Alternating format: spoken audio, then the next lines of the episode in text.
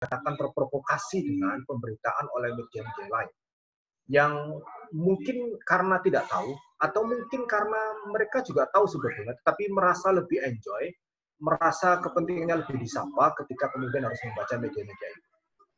Artinya kemudian eh, membership keanggotaan atau jamaah posisi mereka sebagai jamaah atau ulama itu tidak identik dengan eh, level of leadership yang harus mereka lakukan untuk produksi gagasan yang dilakukan oleh banyak media. Itu tantangan kita bersama. Tantangan kedua adalah kita sekarang berada di era yang disebut dengan uh, the Internet of Things. Semua serba internet. Kenapa itu penting? Uh, ada seorang pakar culture studies yang lebih fokus bicara soal uh, budaya dan globalisasi, namanya Arjun Apandulai. Di bukunya tentang globalization at large, dia memperkenalkan istilah yang disebut dengan uh, konsep mediascape, uh, gabungan dari media and landscape. Jadi uh, sekarang orang punya kecenderungan bahkan kira-kira 20 tahun terakhir dan sekarang mengalami uh, boomingnya untuk bisa kemudian mengirim pesan, gambar dan seterusnya lintas budaya, uh, lintas kepentingan uh, margin yang namanya uh, negara bangsa dan seterusnya, lalu orang bisa terkanalisasi untuk bisa mengkonsumsi sesuatu secara sama, merasakan sesuatu yang sama, lalu kemudian mempengaruhi cara berpikir mereka, cara bertindak mereka. Nah, karena itu kemudian kalau sebelum era-era sebelumnya NU ini hadir dengan kekuatan jamaah yang uh, sangat luar biasa. Gus Dur memberikan contoh yang, yang sangat keren sekali bagaimana merawat jamaah uh, kita itu melalui kehadiran fisik, baik kemudian yang namanya forum-forum sosial yang disebut dengan Islam Majelis Taklim, Yasinan, Tahlilan, Kubroan, dan uh, mungkin tingkeper macam-macam itu adalah forum-forum sosial yang uh, sangat keren sekali untuk merawat jamaah kita. Nah, ketika kita sekarang masuk pada uh, era pandemi yang menjadi tema kita bersama, tantangan media NU uh, di era uh, uh, apa di, di era tatanan baru uh, atau new normal uh, apa yang selama ini digagas oleh Arjuna Padurai, apa yang selama ini kemudian para culture uh, apa, pakar culture studies menyebut dengan dengan banyak istilah ya, uh, itu sekarang menemukan momentumnya. Kenapa? Karena tatanan baru, kebiasaan baru sekarang menihilkan adanya kerumunan. Padahal selama ini kekuatan eh, NU itu justru ada kepada uh, kebiasaan-kebiasaan seperti itu. Uh, karena itu lalu cara orang sekarang berkomunikasi, cara orang meng mengkonsumsi sesuatu, cara orang memproduksi sesuatu itu sudah tidak lagi mengandalkan kerumunan, tapi sudah harus uh, uh, apa, melakukan penjagaan jarak terhadap uh, yang lain. Lalu media skip menjadi penting. Nah, uh, tantangan yang tidak kalah besarnya di era eh, tatanan baru, kebiasaan baru yang sekarang sudah oleh pemerintah tidak lagi disebut dengan istilah new normal karena new normal itu eh, menimbulkan bias dan juga menyesatkan dalam beberapa hal bagi warga kita semua. Lalu sekarang sudah menyebut istilah kebiasaan baru, tatanan kebiasaan baru. Menjadi menjadi semakin sulit, menjadi semakin besar tantangan kita bersama. Kenapa uh, kita mengenal istilah yang disebut dengan uh, post reality atau post truth uh, dan seterusnya. Salah satu penanda dari post reality, post truth itu adalah bahwa rasa itu mengalahkan fakta. Uh, feelings replace the facts. Gitu kira-kira dalam bahasa uh, uh, orang Barat yang dipakai untuk menyebut dan menandai era post truth. Apa uh, indikatornya? ada dua istilah yang sangat uh, mengemuka yang disebut dengan kebenaran sub, uh, uh, subjektif dan kebenaran uh, objektif. Kebenaran objektif itu tidak penting. Uh, facts itu tidak penting. Yang penting itu adalah feelings. Yang penting adalah kebenaran subjektif. Karena itu, walaupun kemudian uh, uh, ajaran dan akidah halusunah wa jamaah nabiyah itu uh, diyakini oleh banyak orang sebagai sebuah tawaran alternatif tawaran uh, yang realistis untuk membuat tatanan baru dunia yang penuh damai. Tetapi kalau kemudian uh, ajaran itu tidak banyak diberitakan dan juga uh, uh, sharing, forward dan seterusnya tidak banyak dilakukan, maka sesuatu yang benar itu akan berubah menjadi sebuah uh, kesalahan dan akan menjadi kelemahan. Nah, di era seperti ini lalu kehadiran media-media NU menjadi sangat penting. Hanya ada sebuah gerakan yang penting untuk diantisipasi teman-teman sekalian, kita semua. Pertama, adanya sentimen apa yang disebut dengan anti mainstream. Sekarang ini eh, mulai menggejala di kalangan eh, Islam perkotaan, di masyarakat urban, atau masyarakat yang selama ini tidak mempunyai culture attachment yang kuat kepada apa simpul-simpul tradisional itu sekarang melihat e, mereka terprovokasi dan juga mereka sekarang menjadi bagian dari gerakan anti mainstream. Pokoknya ono NO gitu sikat habis. Begitu e, muncul berita apa pun mau gambar mau teks macam-macam dan di situ ada kata-kata NU itu sikat habis. Karena apa? Eh, NU dianggap sebagai kesalahan, NU dianggap sebagai keterbelakangan. Maka media apa pun yang ber, brand NU itu pasti langsung uh, delete atau langsung tidak perlu dibaca dan seterusnya. Nah, ini ada tantangan di kelas menengah baru yang harus kita antisipasi bersama-sama. Nah, karena itu kemudian saya uh, eh, PWNU eh, yang saya sampaikan ke teman-teman uh, tim media di PWNU, kita uh, penting untuk memperkuat uh, dua dua stream, dua arus uh, besar uh, untuk memperkuat media NU. Satu adalah arus uh, yang disebut, yang saya meminjam istilahnya uh, uh, Irving Goffman, teori uh, apa dramaturgi. Nah, kita penting untuk bermain di wilayah panggung depan dan panggung belakang, backstage dan front stage. Nah, front stage kita itu ya uh, apa NU online, media-media online yang memang brandnya brand NU. Itu penting untuk diperkuat bersama-sama. Uh, hari-hari ini ada uh, pembicaraan di kalangan masyayikh uh, di umpama. Uh, kenapa kemudian media-media uh, seperti NU online itu lebih banyak gagasan yang muncul diproduksi oleh sahabat-sahabat uh, kita, teman-teman kita, kader-kader NU yang uh, mungkin dalam beberapa hal tidak banyak disetujui oleh beberapa tokoh kita gitu. Tetapi ada masukan penting dari salah seorang kiai sepuh kita mengatakan, "Lho nek ngono nuliso, nuliso, bikin tulisan supaya kemudian yang menjadi pikiran para kiai, pikiran uh, apa tokoh-tokoh NU, pikiran-pikiran para para masyarakat itu bisa dibaca banyak orang. Nuliso. Nah, karena itu kemudian media NU di wilayah front stage seperti NU eh, online, uh, uh, NU Jatim online dan seterusnya. Itu penting untuk diperkuat. Gitu. Nah, proses untuk berkolaborasi, saling link dan macam-macam ini menjadi satu salah satu ke, uh, apa strategi yang kita perkuat bersama. Tetapi tidak kalah pentingnya menurut saya uh, adalah kita penting untuk juga bermain uh, di, wilayah, di wilayah backstage. Jadi uh, identitas NU uh, eh, tidak perlu ditonjolkan, tetapi yang ditonjolkan adalah substansi semangat dan ajaran yang nanti at the end of the day di perempatan kita ketemu. Di perempatan kita ketemu. Nah, eh, kenapa itu penting? Karena eh, kita penting mempertahankan eh, fanatik market kita.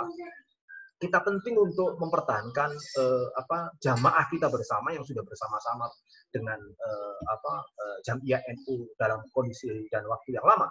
Tetapi tidak kalah pentingnya adalah kita membentengi supaya orang lain tidak apa uh, masuk untuk bisa menggerogoti uh, captive market uh, NU. Nah, dua itu yang harus kita geber bersama-sama sehingga kemudian uh, NU hadir di ruang publik, NU hadir di ruang uh, publik melalui media yang fungsinya ada repre representasi dari sebuah fakta, dari sebuah realitas itu bisa kita uh, maknai bersama-sama.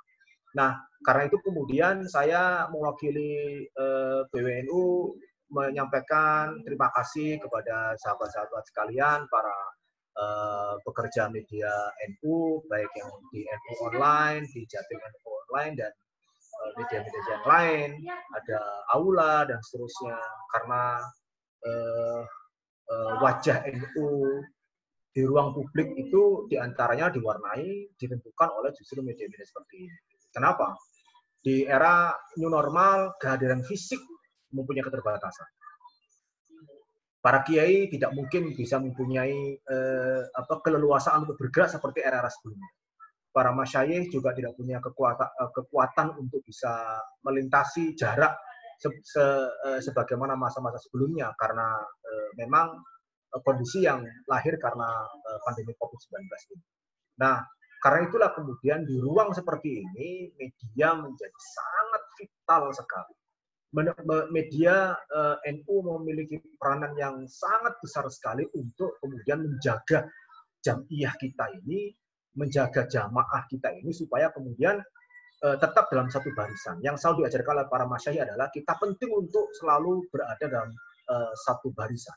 Fisafin wahid ala safin wahid untuk mengawal kemaslahatan uh, dan juga hadirnya aswaja an-nahdiyah ini di ruang untuk bersama-sama. Karena itu selamat kepada uh, uh, NU Online yang hari ini telah uh, memasuki era yang baru, yang luar biasa, uh, memasuki usia yang tidak lagi dianggap uh, bisa dianggap sebagai usia merangkak, tapi usia berlari.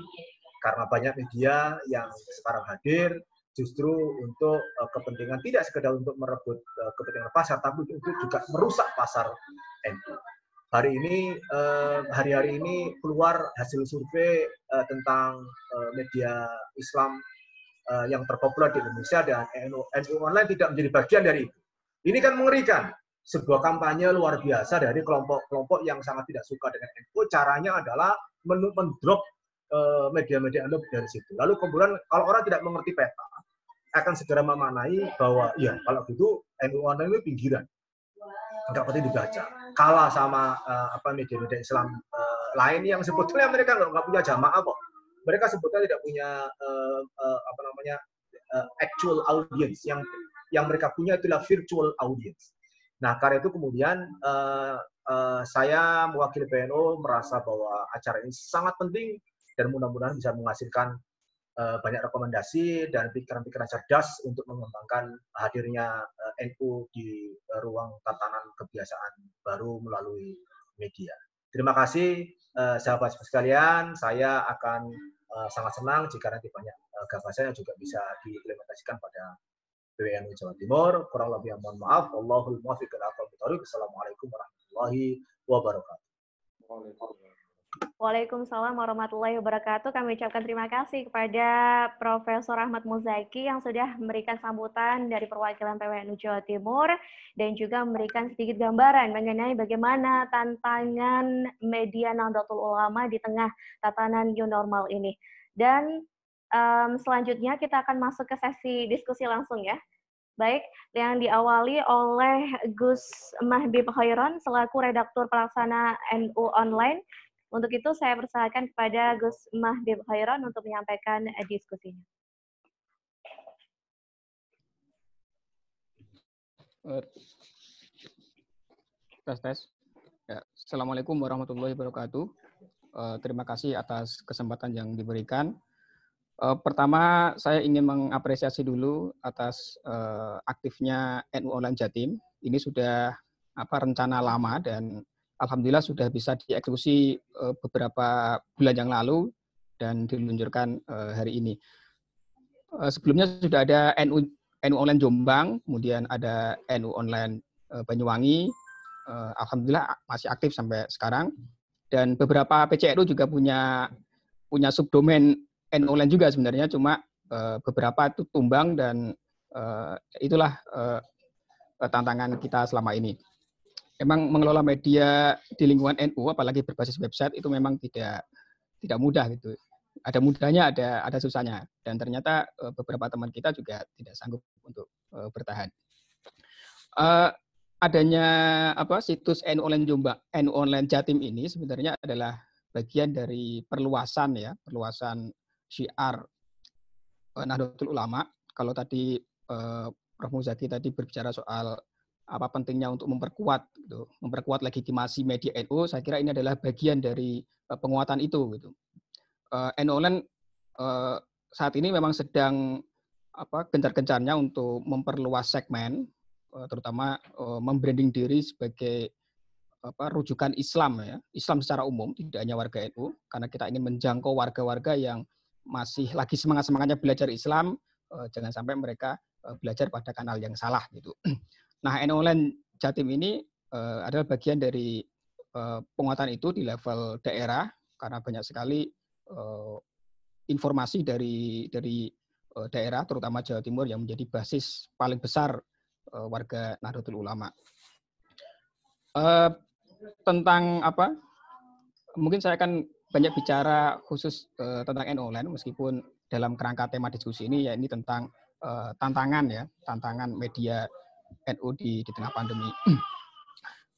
uh, kalau mencermati ya, mencermati eh, masa-masa pandemi ini di di NU sendiri itu melihat adanya tren tren kenaikan ya di di masa-masa isu pandemi ini bergulir gitu. Dalam laporan uh, catur bulan pertama Enoland uh, Januari, Februari, Maret, April itu pembaca itu mengalami kenaikan sangat drastis gitu. Meningkat sampai 50% lebih, eh, sekitar 55 persen persisnya. Dan itu didominasi pada bulan Maret dan April. Maret kita tahu itu adalah eh, informasi awal-awal eh, virus corona ini di, disampaikan oleh Presiden karena karena ada temuan kasus di Indonesia.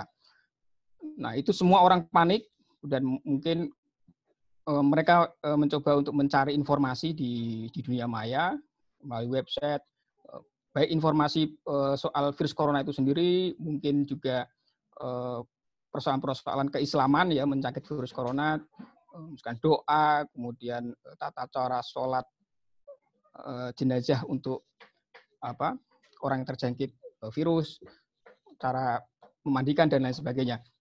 Itu ada kenaikan sangat drastis pada pada bulan-bulan itu. Ah, dan itu ternyata tidak hanya di website, itu juga terjadi di Eh, media sosial. Jadi tren jangkauan, jadi reach, reach uh, media sosial online itu meningkat drastis ketika eh, masa-masa pandemi itu. Itu artinya di awal-awal pandemi ini bergulir, itu masyarakat memang banyak sekali merujuk ke dunia maya gitu untuk apa? Untuk terkait dengan akses informasi, informasi apa pun gitu mungkin karena karena panikan. Tetapi eh, ada yang ada yang menarik eh, ternyata pada bulan Mei dan Juni itu justru mengalami penurunan gitu. Justru ini ketika masa new normal itu di, diumumkan oleh oleh pemerintah. Eh, saya mungkin eh, masih menduga-duga ya perlu perlu lusat mendalam kenapa ini terjadi. Tapi dugaan saya eh, mungkin pertama karena ada eh, penurunan produksi konten di di apa di di media-media itu. Karena penurunan itu setelah kami cermati tidak hanya di NOLAN tapi juga semua media itu mengalami. Media-media mainstream eh, yang yang besar-besar itu ternyata juga mengalami penurunan eh, pembaca eh, berdasarkan analisis dari apa similar web. Benar-benar mengalami penurunan. Nah, saya menduga ini ada penurunan mungkin karena faktor penurunan konten ya, karena kita tahu beberapa perusahaan media itu eh, terpaksa mem-PHK ya atau merumahkan jurnalisnya karena ada persoalan keuangan di dalamnya. Mungkin itu juga juga eh, memberikan pengaruh besar gitu karena dengan konten yang menurun otomatis pembaca juga mengalami penurunan. Yang kedua, hipotesa saya adalah bisa jadi karena masyarakat itu Eh, sedang beralih ke media sosial.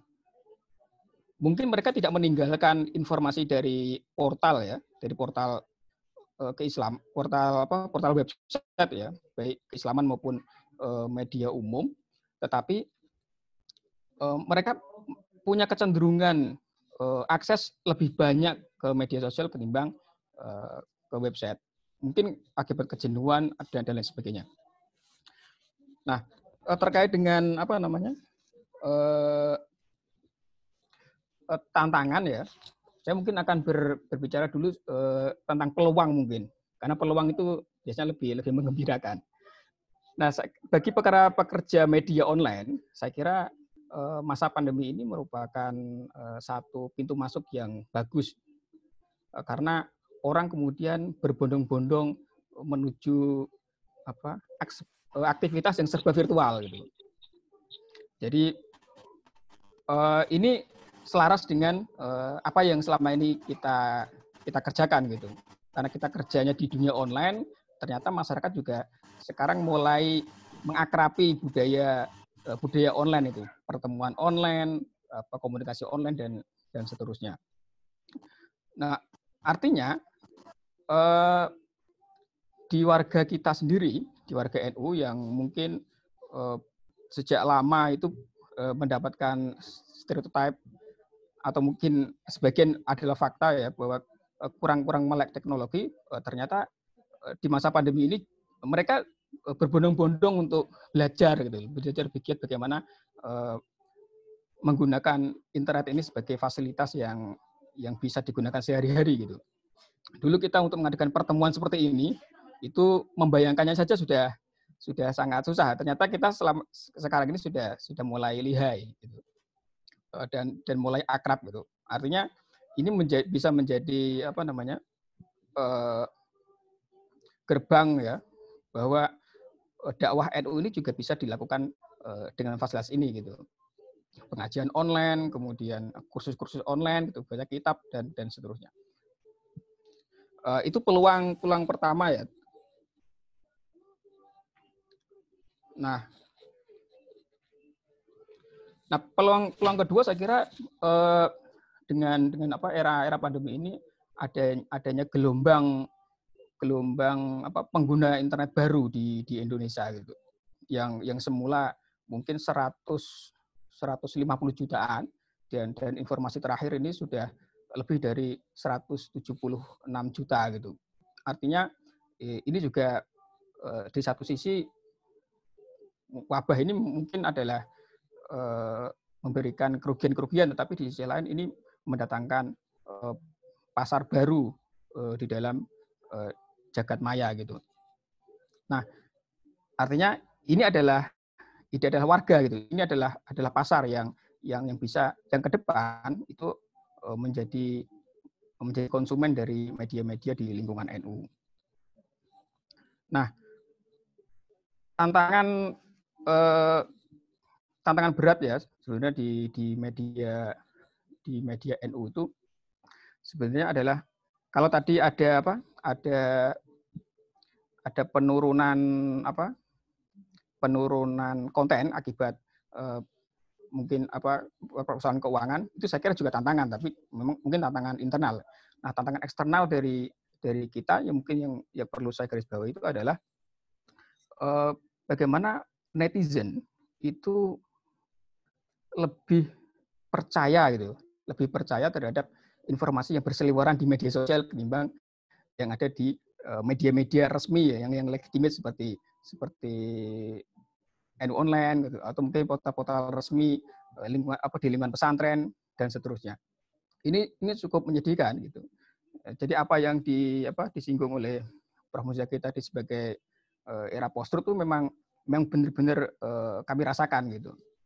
Jadi di Enoland sendiri ketika men-share itu sebuah informasi valid dan sangat bisa dipertanggungjawabkan, ada rujukannya dan lain sebagainya, itu tetap aja sebelum dibaca itu sudah ditolak itu bisa bisa, bisa terjadi gitu. Itu karena memang uh, eranya itu memang bukan era rasionalitas gitu. Sekarang ini yang yang yang ditonjolkan ada emosionalitas. Gitu. Jadi men, mengonsumsi uh, informasi itu ya berdasarkan selera selera pribadi gitu atau selera uh, kelompok yang menjadi afiliasi mereka masing-masing gitu. Nah, jadi itu adalah persoalan trust ya, trust.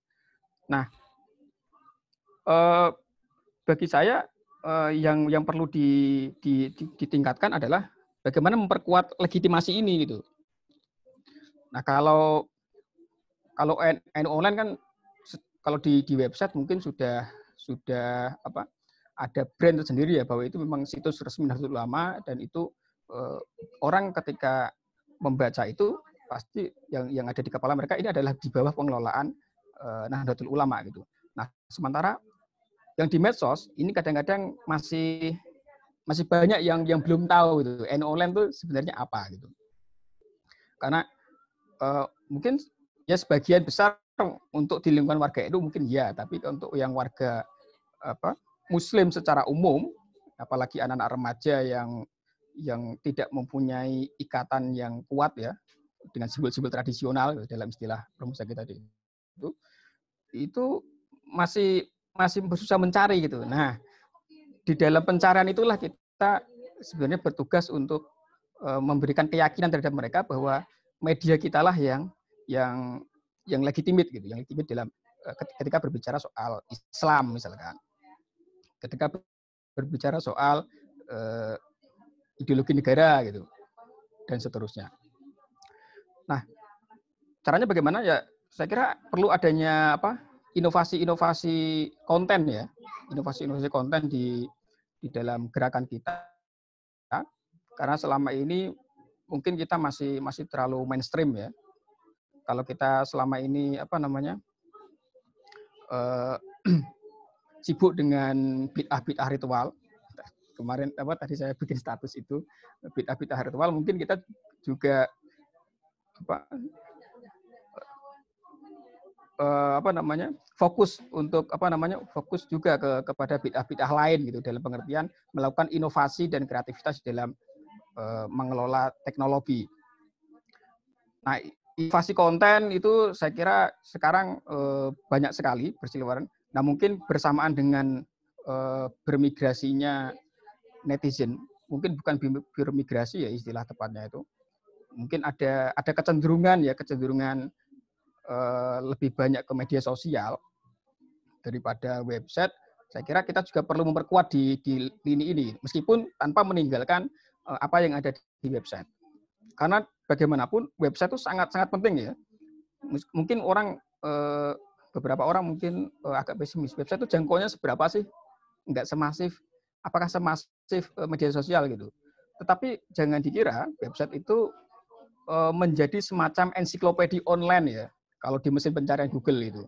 Jadi ketika kita mengetik kata kunci tertentu dan kemudian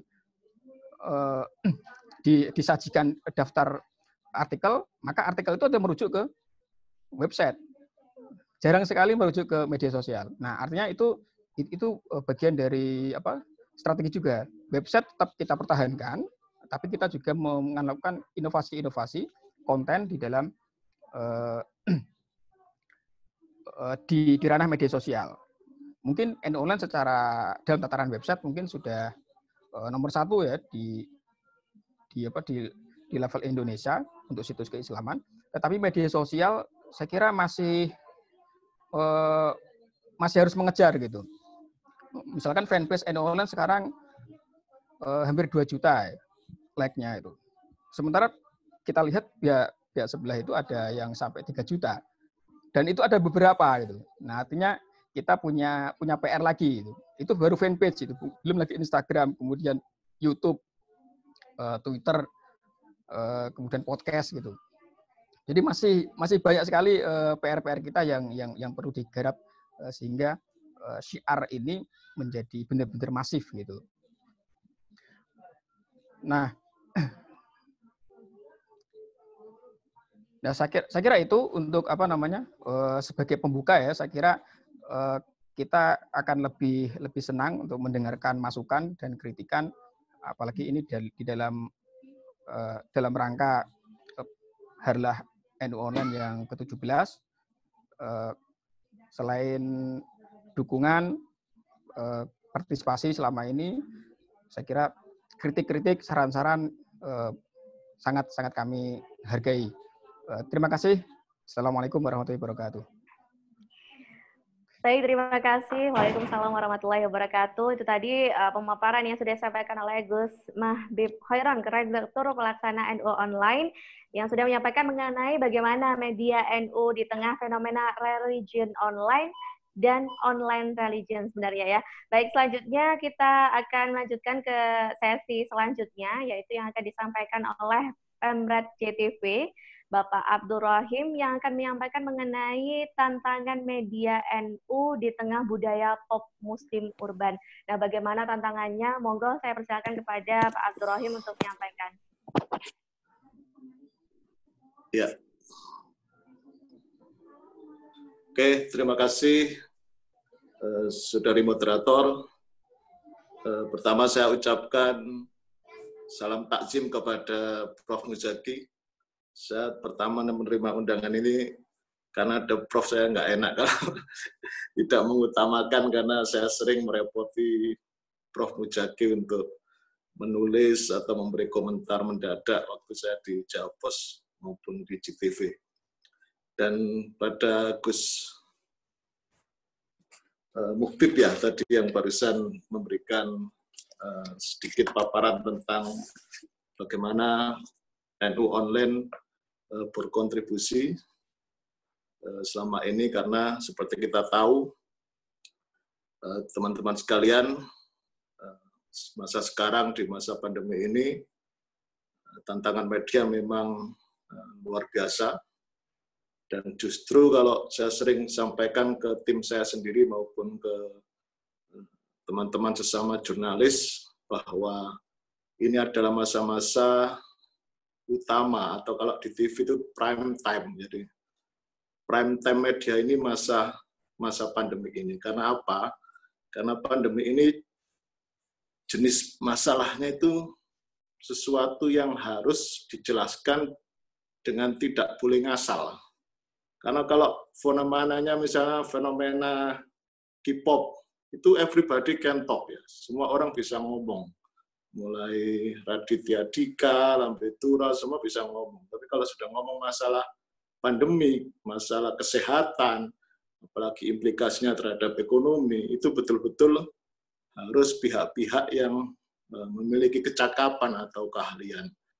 Nah, dalam media komunikasi, siapa yang paling berkompeten ngomong soal itu? Ya tentunya uh, jurnalisme. Saya ngomong jurnalisme bukan media, karena saya punya Eh, sikap bahwa media dan jurnalisme itu ya sesuatu hal yang berbeda bahwa media itu adalah perusahaan yang memproduksi jurnalistik yang dikemas dalam platform masing-masing. Kalau saya di TV adalah di TV, kalau waktu di Jawa saya di media cetak, lalu teman-teman NU online di platform online, macam-macam untuk eksis sebagai perusahaan yang tentunya di situ ada hukum harus mencapai untung banyak caranya. Tapi kalau jurnalisme itu lebih kepada sesuatu yang lebih ideologis. Jadi apa pun platformnya, di mana pun kita berada, apa pun masalah yang kita hadapi itu ya ada nilai-nilai dan karena kita ini bukan pekerjaan tapi profesi, maka ada kode etik yang kita patuhi. Maka saya juga sering bilang masa pandemi ini bisa jadi dari aspek media ya kita suffering seperti perusahaan lain. Seperti Mas Pion punya Pak Alim Markus, lagi menurun ekspornya, seperti eh, perusahaan properti, finance, semuanya sedang downgrade. Perusahaan media pun sama, jadi secara perusahaan kita memang suffering, jadi omset turun, lalu eh, kita terbebani oleh cash flow yang semula tidak masalah, tapi karena pendapatan turun jadi berat tapi secara jurnalisme, tadi sudah saya sampaikan, justru kita semakin relevan. Jadi itu yang harusnya menyemangati kita semua. Tadi Gus Mahfud sudah menyampaikan awal-awal pandemi, tingkat kunjungan ke situsnya kan naik pesat. Ya. Saya kira itu dialami oleh semua platform. Karena apa? Karena masyarakat secara naluriah, secara natur itu mencari informasi dan nggak mungkin mereka mencari informasi ini ke uh, tweet atau figur-figur di medsos yang memang mereka nggak punya kapasitas seperti itu. Tapi mereka pasti mencari ke perusahaan atau ke pihak-pihak yang memang selama ini mendeklar dirinya sebagai uh, sumber informasi yang terpercaya bahwa produk informasi yang mereka hasilkan itu terverifikasi. Nah, itu adalah media ada Kompas, ada Jawa Pos, ada NU Online, semua pasti mengalami uh, tingkat keterbacaan, kepemeriksaan, uh, viewership kalau di online itu pasti mengalami itu. Jadi memang masyarakat butuh informasi. Karena itu maka eh, di masa pandemi ini ada tiga fungsi yang harusnya eh, semua aktif yang merasa dirinya sebagai jurnalis itu menjalankan itu, yakni fungsi watchdog sebagai pengawas kebijakan, karena seperti kita tahu wabah ini yang paling memegang kunci adalah pihak regulator, karena kita bagaimana kita eh, menghindari, bagaimana kita survive, bahkan nanti bagaimana kita memenangkan itu kita membutuhkan uh, pihak yang bisa memimpin kita semua untuk ini. Dan sosial konstruksi kita sudah memiliki pemerintahan dan pemerintahan adalah yang kita sepakati dan kita percaya untuk bisa mengatasi wabah ini. Dan dalam menjalankan fungsinya pasti banyak hal yang mereka lakukan, mereka putuskan. Media adalah pihak yang harus menjadi watchdog, harus menjadi pengawas apakah kebijakan itu bisa dilaksanakan dengan baik.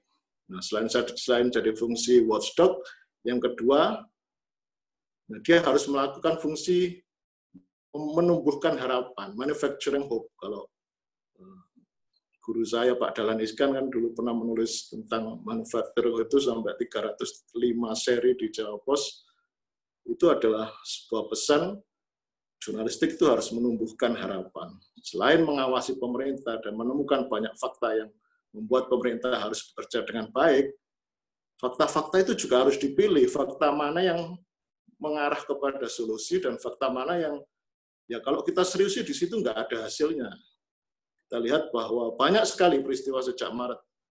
Mulai sikap denial pemerintah itu kan media sempat menyoroti kenapa kok belum kunjung ada tindakan konkret? Meskipun uh, Wuhan sudah lockdown tapi kok Indonesia denial dengan segala hal yang sering kita dengar kerucuan-kerucuan itu. Tapi sampai terakhir tadi Prof Muzaki menyinggung tentang normal yang uh, kembali tidak dapat itu adalah bagian-bagian dari uh, fungsi media untuk uh, mengingatkan pemerintah ayo bekerja yang benar ayo masyarakat ini sudah terlalu lama mengalami keputusasaan kapan ujung terowongan ini terlihat. Lah itu sering di, dikeluhkan dan media harus bagian dari mendorong ke arah solusi di sana. Jadi tidak sekedar mengawasi tapi eh, menumbuhkan harapan. Karena itu media juga harus memuat kisah-kisah inspiratif, eh, menyampaikan kemajuan-kemajuan penelitian, tapi jangan sampai terjebak pada uh, manufacturing hope yang ilutif. Jadi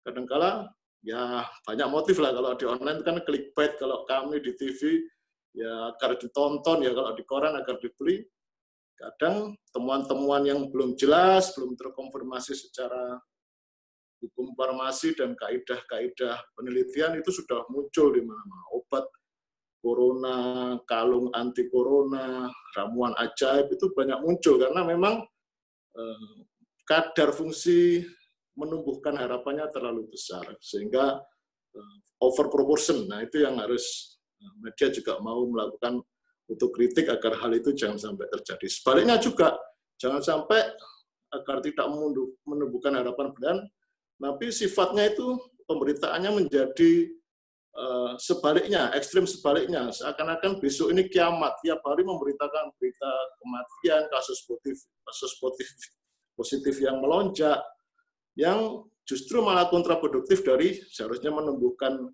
uh, sikap waspada dan antisipatif, tapi justru menumbuhkan rasa apatis. Nah itu yang harus uh, dihindari juga karena itu bagian dari tanggung jawab kita. Nah mencari ruang uh, di tengah-tengah agar kita tidak ilutif, lalu tidak terlalu pesimis itu adalah seni yang harus dimiliki setiap jurnalis. Dan yang ketiga adalah jurnalisme data, karena seperti kita, kita tahu, eh, semua parameter tentang eh, wabah ini harus terukur. Pertumbuhan kasus positif baru, berapa jumlah yang meninggal, berapa tingkat kesembuhan, itu di semua di dunia itu dibandingkan. Nah, kalau media gagal menghadirkan informasi yang clear dan berbasis data, maka eh, itu kesempatan atau prime time buat media ini akan hilang. Makanya tadi saya juga ingatkan seperti Gus Mabit tadi cerita di NU, di NU online maupun di semua platform, mulai memasuki Juni ada penurunan ya.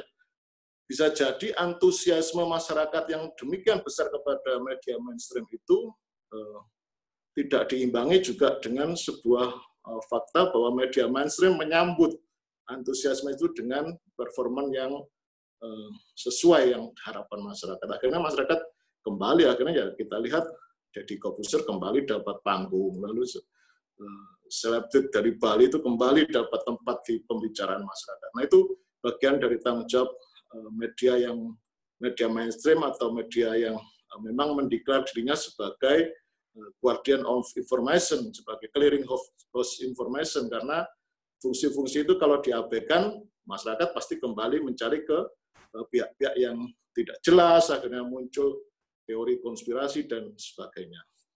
Nah, kembali kepada topik bagaimana media NU untuk uh, eksis tadi Prof. Muzaki betul sekali menyampaikan bahwa ada panggung depan, ada panggung belakang. Kalau kita ngomong media NU itu kan ada memang mendeklar dirinya sebagai uh, media NU dengan brand dan tampilannya, ada juga yang memang di dalamnya itu orang-orang nah dingin juga yang ingin sebetulnya beraktualisasi mengekspresikan kemampuannya melalui media-media yang sebetulnya secara state officialnya bukan NU tapi dia ingin uh, esensi dari pemberitaan maupun outputnya itu Nah, saya kira tantangan uh, kita semua bagaimana media itu relevan adalah kita harus mampu dan saya kira ini keahlian di NU yang saya pribadi sangat kagumi, yakni menciptakan common ground yang sama.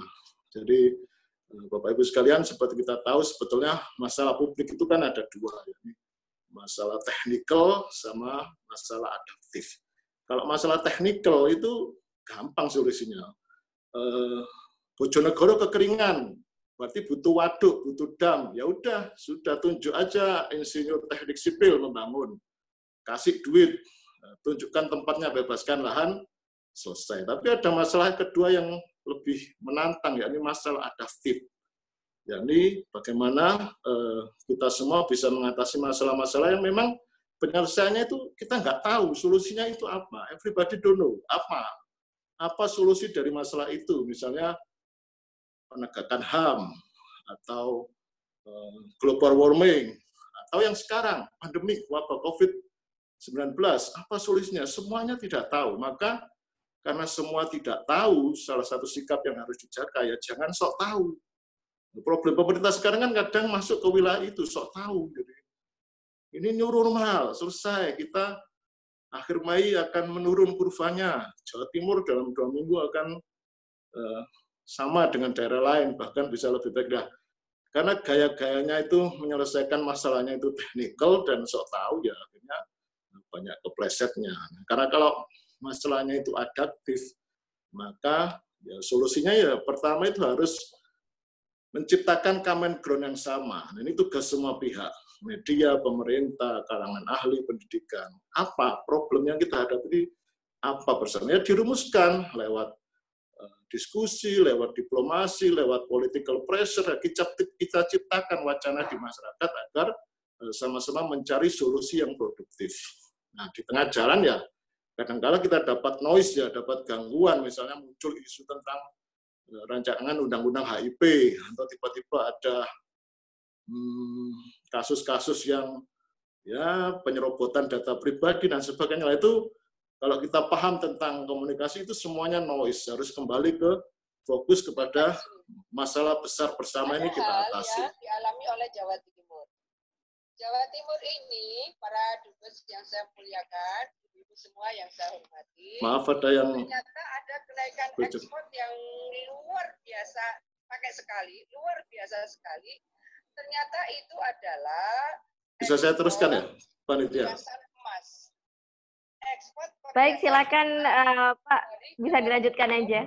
Oke okay, oke. Okay. Ya. Oke, okay, kembali ke tadi saya lanjutkan tinggal sedikit.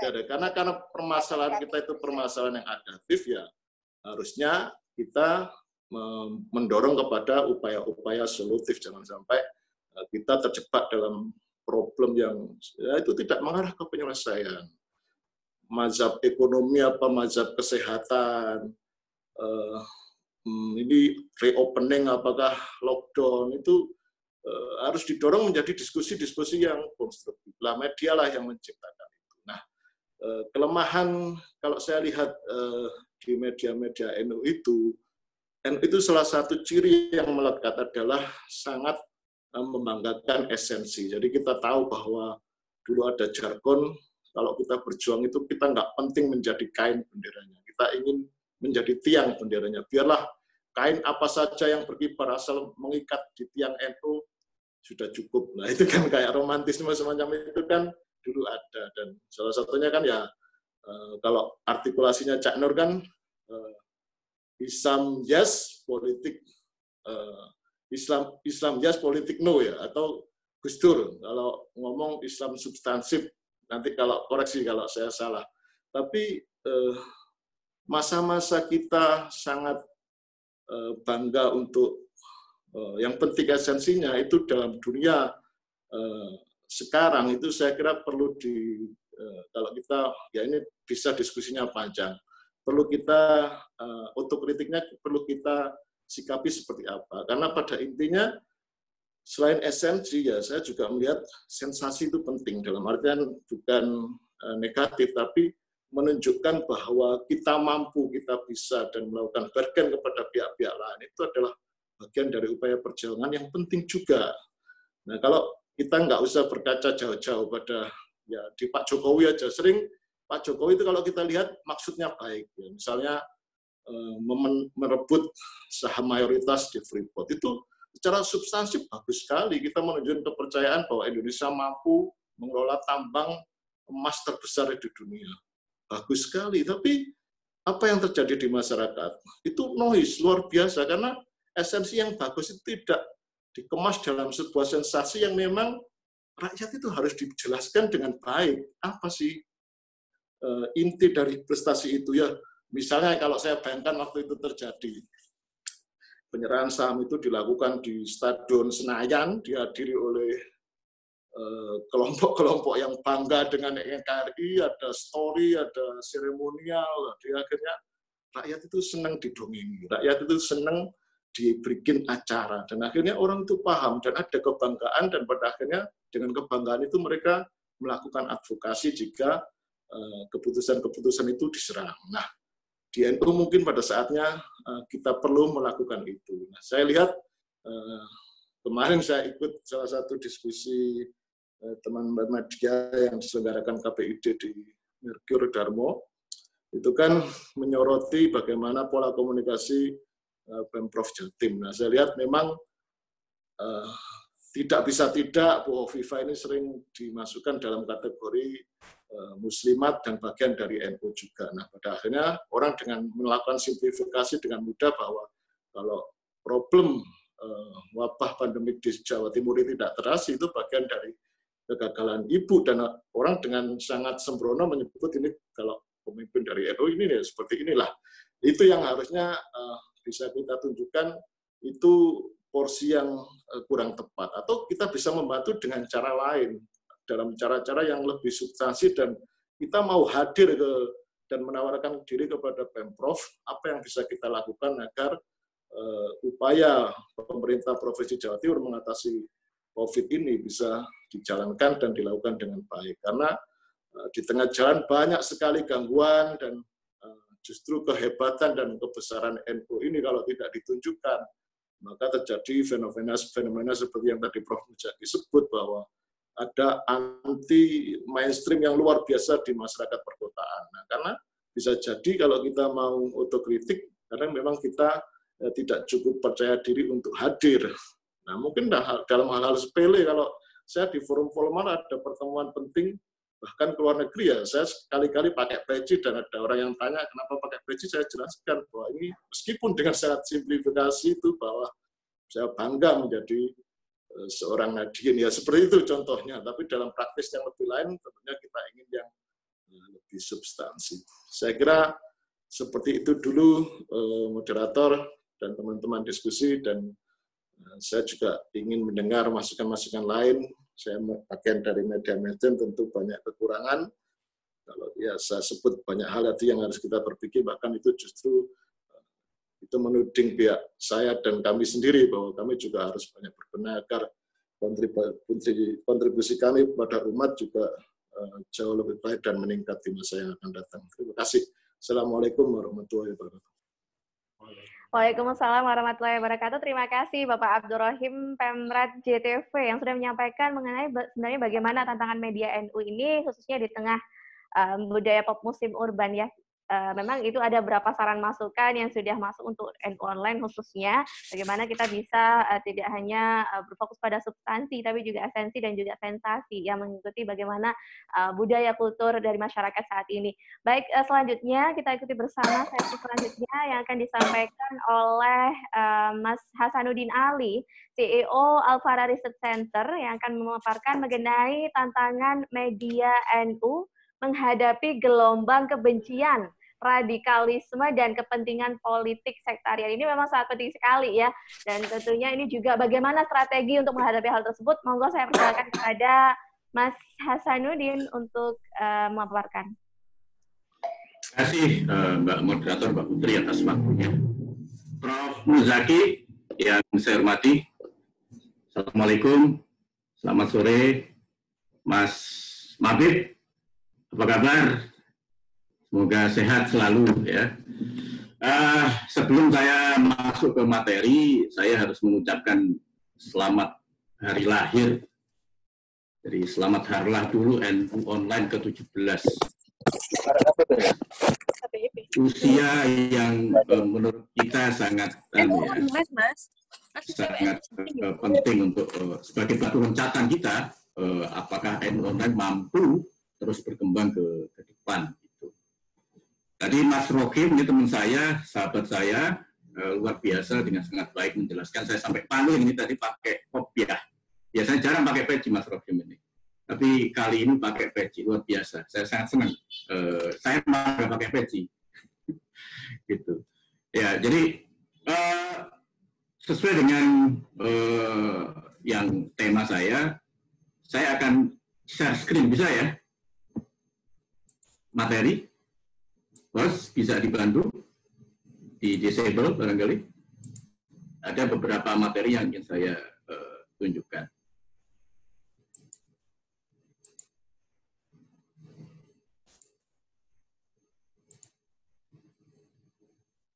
Bisa? Baik, uh, sebentar proses ya, Mas ya. Oke. Okay.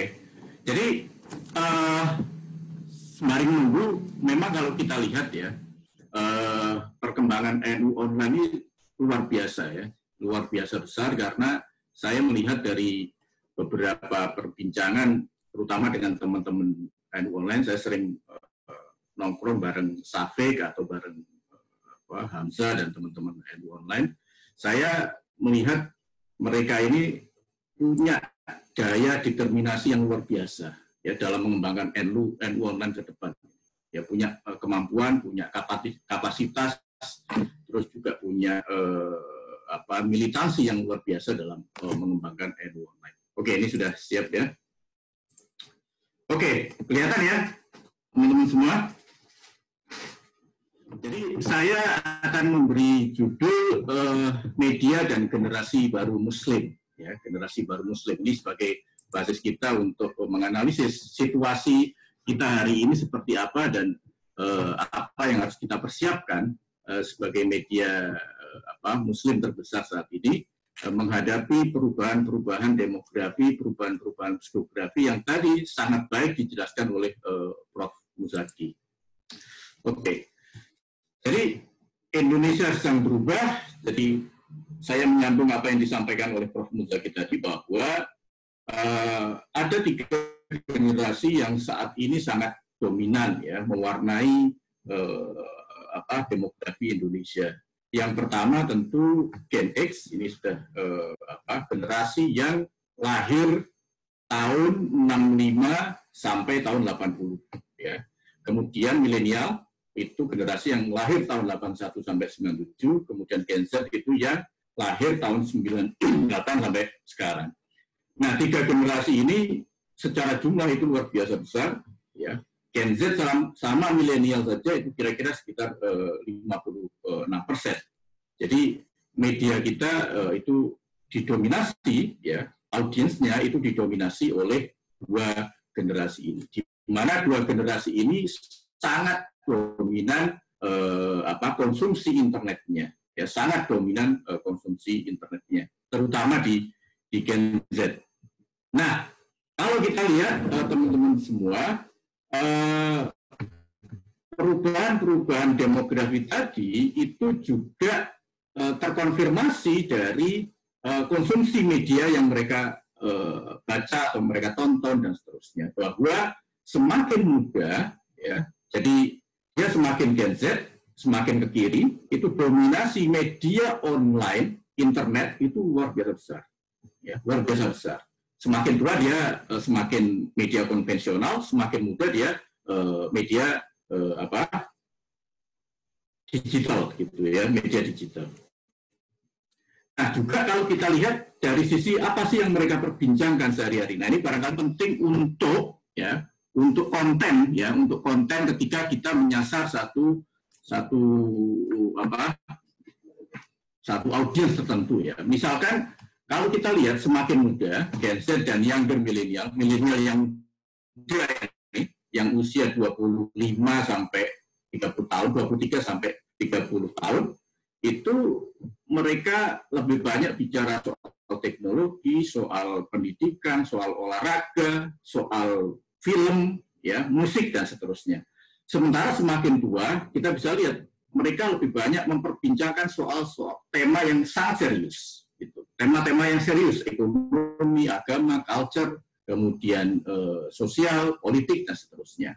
Maka kalau kita lihat begini, maka kalau kita core kita adalah agama, maka untuk menjangkau ya untuk menjangkau anak-anak muda, maka harus dikemas dengan bahasa-bahasa mereka. Bahasa-bahasa mereka itu apa? Ya itu tadi, bahasa olahraga, bahasa film, bahasa musik, melalui sosial media, dan lain-lain. Jadi ini penting.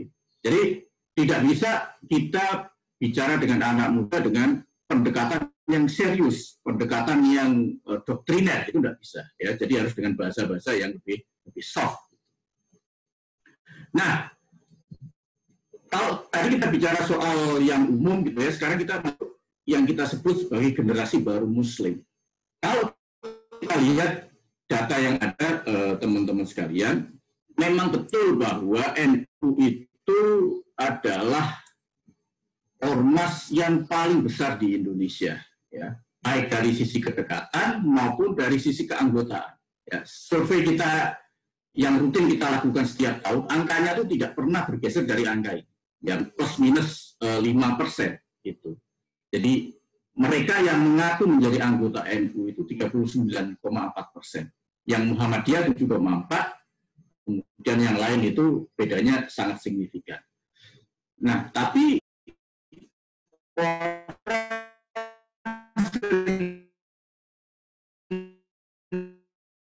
lupa ya membaca teman-teman kita juga ya sebagai anggota ormas mana pun. Nah ini mengkonfirmasi apa yang tadi disampaikan oleh Prof. Muzaki bahwa eh, mereka yang tidak punya ikatan tradisi, ya, tidak punya uh, ikatan emosional dengan uh, ormas atau dengan tradisi kita, ya, atau mereka yang dari kelompok urban, atau mereka yang dari kelompok kelas menengah, misalkan, atau mereka yang di kelompok anak muda. Jadi justru ya yang 50,4 persen itu didominasi oleh anak muda. Jadi semakin muda itu semakin dia e, merasa tidak dianggota ormas e, mana pun. Nah, saya kira tantangan NU online, saya kira selain menjaga ya yang 39,4 persen ini juga harus mulai masuk kepada target pasar yang 50,4 persen ini, ya, yang dia merasa tidak menjadi anggota e, ormas mana pun. Nah, teman-teman sekalian, sahabat-sahabat sekalian, yang kita sebut sebagai generasi baru muslim itu adalah mereka ya yang tinggal di perkotaan ya kemudian mereka yang masuk dalam kategori kelas menengah secara ekonomi dan mereka milenial. Jadi tiga ini, tiga entitas ini, tiga entitas ini yang kita sebut sebagai generasi baru Muslim dan jumlahnya memang luar biasa besar sekitar 30,59 juta. Ya ini ini ini target pasar yang yang luar biasa besar dan masa depan Indonesia itu ya di di generasi ini ya di generasi ini. Kalau kita kalah di generasi ini, di generasi baru ini maka kita tidak akan bisa bertarung uh, di kemudian hari. Nah, ciri-ciri generasi baru Muslim itu ada empat. Ya, ini uh, kita tulis di buku yang uh, Gen M itu, ya bersama Mas uh, Yuswadi, Mas Irian dan saya sendiri tahun 2017. Itu ada empat ciri. Ya, mereka ini adalah yang pertama tech savvy. Mereka sangat uh, gadget mania. Jadi mereka tidak pernah bisa melepaskan dari gadget digital. Gaya hidupnya sudah sangat digital. Kemudian yang kedua, mereka ini punya semangat keagamaan yang luar biasa tinggi. Semangat ya, bukan eh, apa punya pengetahuan keagamaan, tapi punya semangat belajar ke agama yang luar biasa besar. Mereka juga karena masih baru eh, apa belajar, mereka cenderung ingin menampilkan identitas bahwa dia sudah sudah belajar agama. Kemudian yang ketiga, ini gaya hidupnya modern ya gaya hidupnya modern. Kemudian yang keempat mereka punya high buying power, punya eh, daya beli yang tinggi. Nah, sahabat-sahabat sekalian, kalau kita eh, preteli satu-satu nih dari empat ini, kita perlu berkaca apakah teman-teman di komunitas Nabiyin ini masuk dalam empat karakter ini, empat perilaku ini. Nah, saya sering berbicara dengan teman-teman kok rasa-rasanya jauh dari ini, ya, jauh dari ini, gitu, jauh dari eh, meskipun sudah mulai ini ya, sudah mulai banyak teman-teman kita yang sudah eh, familiar dengan dunia digital, kemudian juga eh, apa, sudah banyak teman-teman NU yang sudah budaya modern dan, dan punya high buying power. Tapi secara umum, ya, secara umum Eh, empat ciri ini belum dimiliki oleh komunitas nafiyin. Lalu siapa yang punya? Ya boleh kita sebut teman-teman yang mengklaim dirinya hijrah itu, itu adalah yang di, masuk di empat uh, karakter ini. Ya. Nah, mereka ini kalau kita tanya sumber keagamaannya dari mana? Nah ini menarik. Ya, menarik kalau kita lihat. Dulu kita selalu mengatakan bahwa sumber referensi keagamaan itu ya kalau nggak orang tua ya kiai, ustadz atau punya orang yang punya otoritas keagamaan yang kuat. Nah tapi kalau kita lihat ya justru yang nomor dua orang tua masih ya yang nomor dua adalah internet. Jadi sumber utama referensi keagamaan itu internet. Kalau kita jumlah misalkan ya dengan eh, apa YouTube, kemudian dengan grup messenger dan segala macam itu cukup signifikan, gitu, cukup signifikan. Mengalahkan Ustadz Kiai di lingkungan rumah misalkan, mengalahkan buku agama misalkan. Jadi kehadiran kita di dunia internet, di digital, apakah lewat platform eh, sosial media, apakah pakai platform eh, media online, apakah lewat platform eh, apa WA group dan segala macam itu sebuah keharusan tidak bisa kita tawar hari ini. Ya. Nah, kemudian teman-teman, kita akan bicara soal media sekarang ya, soal media. Saya kemarin melakukan riset terkait eh, konsumsi media selama masa pandemi COVID. Ini juga mengkonfirmasi tadi yang disampaikan oleh Mas Mubit tadi bahwa ada peningkatan luar biasa memang eh, apa konsumsi internet masyarakat kita. Ya. Jadi ini yang belum pernah dialami Indonesia di tahun-tahun sebelumnya. Dulu konsumsi internet kita itu rata-rata ya di angka 4 sampai 6 jam. 4 sampai 6 jam.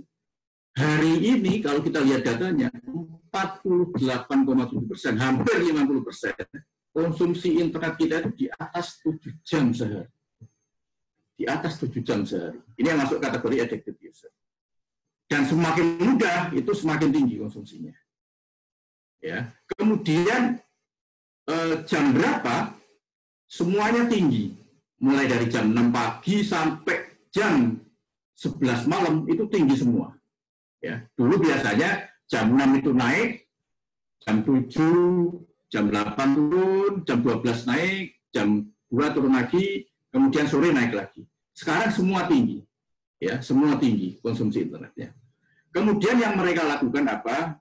Ya, tetap messaging, browsing, sosial, jaring sosial, video streaming itu nomor. Ini juga lonjakan yang luar biasa. Jadi konsumsi internetnya tinggi, kemudian frekuensinya juga banyak, kemudian mereka butuh bandwidth yang tinggi, ya, yang besar, ya, karena uh, semua berbasis uh, video hari ini. Maka menurut saya penting buat teman-teman NU online itu juga mulai bikin eh, video-video uh, pendek. Ya. Konten-konten yang berbasis grafis, berbasis video, itu menjadi sangat penting.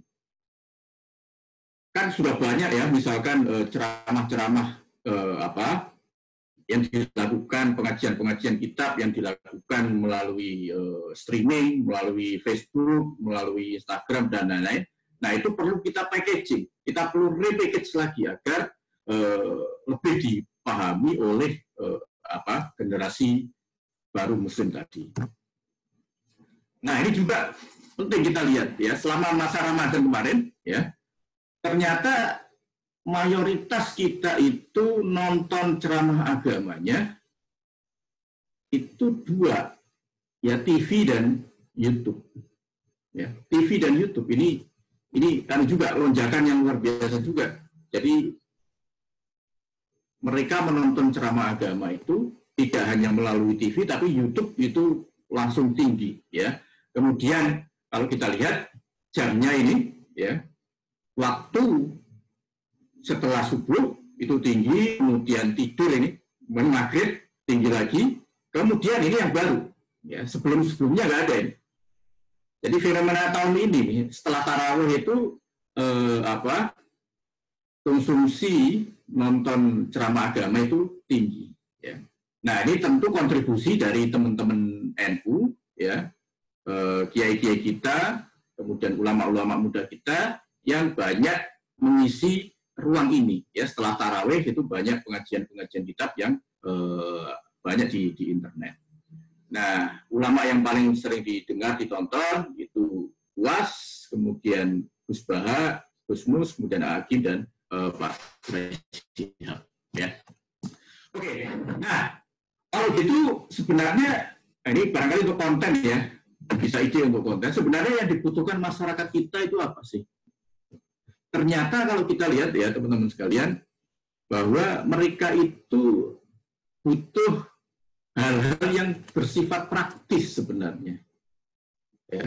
Misalkan soal gimana sih secara dulu saya ingat Safir pernah cerita sampai kali itu. Pas gerhana, gerhana matahari itu, artikel NU online yang terkait tata cara pelaksanaan sholat gerhana matahari itu tinggi sekali trafiknya. Ya. Terus kemudian eh, katakanlah eh, tata cara wudhu yang benar atau cara sholat yang benar. Nah itu itu konten-konten yang sebenarnya banyak di, di, dicari. Ya. Nah survei kita juga mengatakan begitu. Ilmu agama yang dibutuhkan apa ya? Soal fikih, muamalah nomor dua, sejarah dan nahu sorof itu nggak eh, terlalu. Gitu, ya. Nah semua generasi sama ya, semua generasi sama. Nah yang terakhir yang ingin saya sampaikan adalah bahwa kita bisa melihat ustadz-ustadz yang dicari oleh masyarakat kita apa? Ya. Ternyata yang pertama, ya yang pertama adalah dia punya rujukan agama yang kuat. Jadi dia punya otoritas keagamaan yang kuat. Kemudian dia mampu menjawab pertanyaan segala pertanyaan, apa pun dia bisa jawab. Kemudian tegas, lucu nomor eh, empat dan seterusnya. Jadi kalau lihat ini sebenarnya kita ini nggak kekurangan konten sebenarnya. Ya, kekuatan kita adalah di konten. Yang kurang dari kita itu barangkali adalah packagingnya. Ya, packaging. Ya, repackaging. Tadi mungkin dengan bahasa Mas Robin tadi sensasi itu. Ya, kita butuh uh, packaging yang lebih menarik. Ya, butuh eh, grafis yang lebih menarik, butuh digandani yang lebih menarik agar audiens yang di luar kita itu bisa tertarik ke kita. Ya. Nah, kalau kita kaitkan dengan eh, apa tadi soal radikalisme dan soal intoleransi, maka saya sering mengatakan begini. Eh, mereka ini tadi saya katakan mereka sedang dalam tahap belajar agama. Ya. Dan selalu sahabat-sahabat sekalian, orang yang baru belajar agama, ini kayak orang yang baru belajar silat, itu sudah seakan-akan tahu semua jurus. Seakan-akan sudah jadi pendekar. Nah ini sama.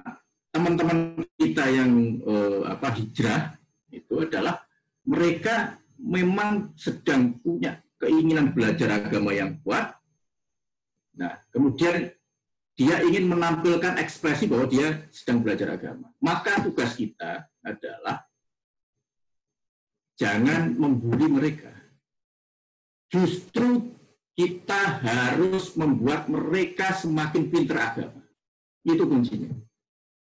Karena ketika mereka semakin pintar agama, maka rasa percaya dirinya bahwa mereka paling mengerti agama dan segala macam itu dengan sendirinya akan turun. Nah ini untuk kritik buat kita bahwa sering kali kita mengkritik atau membuli teman-teman yang eh, apa sedang hijrah itu tadi. Nah maka saya kira NU online dan eh, media-media eh, yang eh, terafiliasi dengan kita, misalkan Alif atau Islami atau Bincang Syariah atau yang banyak itu, itu justru harus menghadirkan apa rujukan-rujukan keagamaan yang kuat, packagingnya yang bagus sehingga bisa diterima oleh oleh mereka. Itu.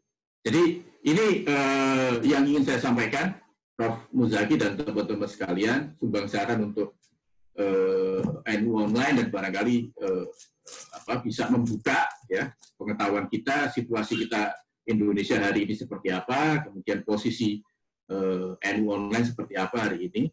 Jadi Prof. Muzaki tidak perlu khawatir kalau tadi disebut uh, apa NU online di apa dihapus dari list ya karena kenyataannya sampai saat ini sampai detik ini NU online itu masih menjadi uh, apa situs keagamaan yang paling tinggi di Indonesia ya yang lain jauh. Ya saya cek Alexa tadi eh, dari semua eh, situs di Indonesia apa pun jenisnya NU itu di peringkat 126, Islami di 365. Jadi tetap kita di antara media eh, keagamaan yang berbasis online itu masih nomor satu sampai hari ini. Ya sampai detik ini itu masih masih nomor satu. Sekali lagi terima kasih. Saya juga sekali lagi selamat ulang tahun eh, ke-17 untuk NU Online. Terima kasih.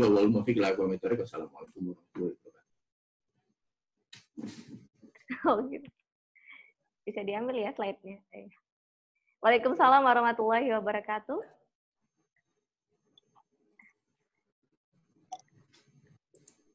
Iya. Pak Hasan mungkin slide-nya bisa di ya. ya. Iya, siap. Baik, terima kasih uh, Mas Hasanuddin Ali ya. Tadi kita juga tahu mengenai terkait data juga bagaimana kecenderungan dan juga kebutuhan-kebutuhan uh, masyarakat. Dari juga kita tahu bagaimana tantangan media NU menghadapi gelombang kebencian, radikalisme. Kita tidak uh, tidak membalik benci, tapi kita justru mengcounter itu semua dengan uh, adanya um, rujukan keagamaan yang kuat dan juga lagi-lagi packaging. Nah, kita perlu packaging yang uh, lebih bagus dan juga sesuai dengan kekinian, dengan era kekinian. Baik, selanjutnya kita ikuti uh, bersama yaitu diskusi dari sesi uh, Ketua KPID Jawa Timur. Saya persilakan Mas Afif Amruah yang akan menyampaikan mengenai bagaimana tantangan media NU sebagai uh, atau dalam menjembatani komunikasi publik khususnya. Monggo Mas Afif, waktunya cukup 10 menit saja ya karena waktu kita terbatas. Monggo. Assalamualaikum warahmatullahi wabarakatuh. Waalaikumsalam warahmatullahi wabarakatuh. Terima kasih Mbak moderator, Mbak Ahmad Faludin. Ya benar ya, Mbak. Oh, ya. iya, nama saya Putri Humairo. Oh iya, enggak. Soalnya yang terbaca di situ Betul, namanya nggak sesuai ini. eh, Oke. Baik, monggo Mas Afif. Oke, Bismillah, Alhamdulillah, wassalatu wassalamu ala rasulillah. Wabarakatuh. Yang dulu. saya hormati para narasumber, Ini. ada Prof. Zaki, ada Mas Asmin Ali, ada Mas Bukan. dan juga Ah, Pak Gus Mahbub, Mahbib, dan juga ada Pak Saiful ya. Sehingga seluruh hadirin hadirat yang ada di kesempatan kali ini. Eh, Pada sore hari ini tentu bagaimana yang lain tentu kami juga mengucapkan selamat Al-Mabrur kepada kalian yang sudah mencapai usia 17 tahun untuk Sweet Seventeen. Mudah-mudahan benar-benar sweet bagi generasi muda NU juga generasi Muslim baru yang tadi disebut oleh Mas Hasanuddin Ali tadi. Nah, selanjutnya mudah-mudahan saya juga tidak salah tempat di di ruangan di forum ini karena sebenarnya kalau kita bicara KPID eh, kewenangannya itu kan eh, old media gitu ya, media lama yang atau media mainstream dalam hal ini adalah televisi dan radio. Kami belum punya eh, kewenangan bagaimana kita bisa mengatur mengatur media baru di antaranya apalagi online dan juga streaming sebagaimana yang sedang berkembang pada hari ini. Tetapi ada beberapa pengalaman yang mungkin bisa kami ceritakan. Eh, pertama, eh, beberapa waktu yang lalu, terutama masa pandemi, kita pernah punya konten konten hebat yang kemudian ini menjadi salah satu eh, trigger ataupun eh, apa namanya referensi maupun inspirasi bagi banyak orang. Yaitu konten apa? Yaitu konten Istighosah Kubro. Itu luar biasa dan alhamdulillah waktu itu KPID Jawa Timur juga ikut berpartisipasi bagaimana ini bisa disiarkan di sekitar 15 televisi di Jawa Timur dan puluhan radio yang secara live. Dan kemudian kalau kita cek di YouTube ternyata juga luar biasa.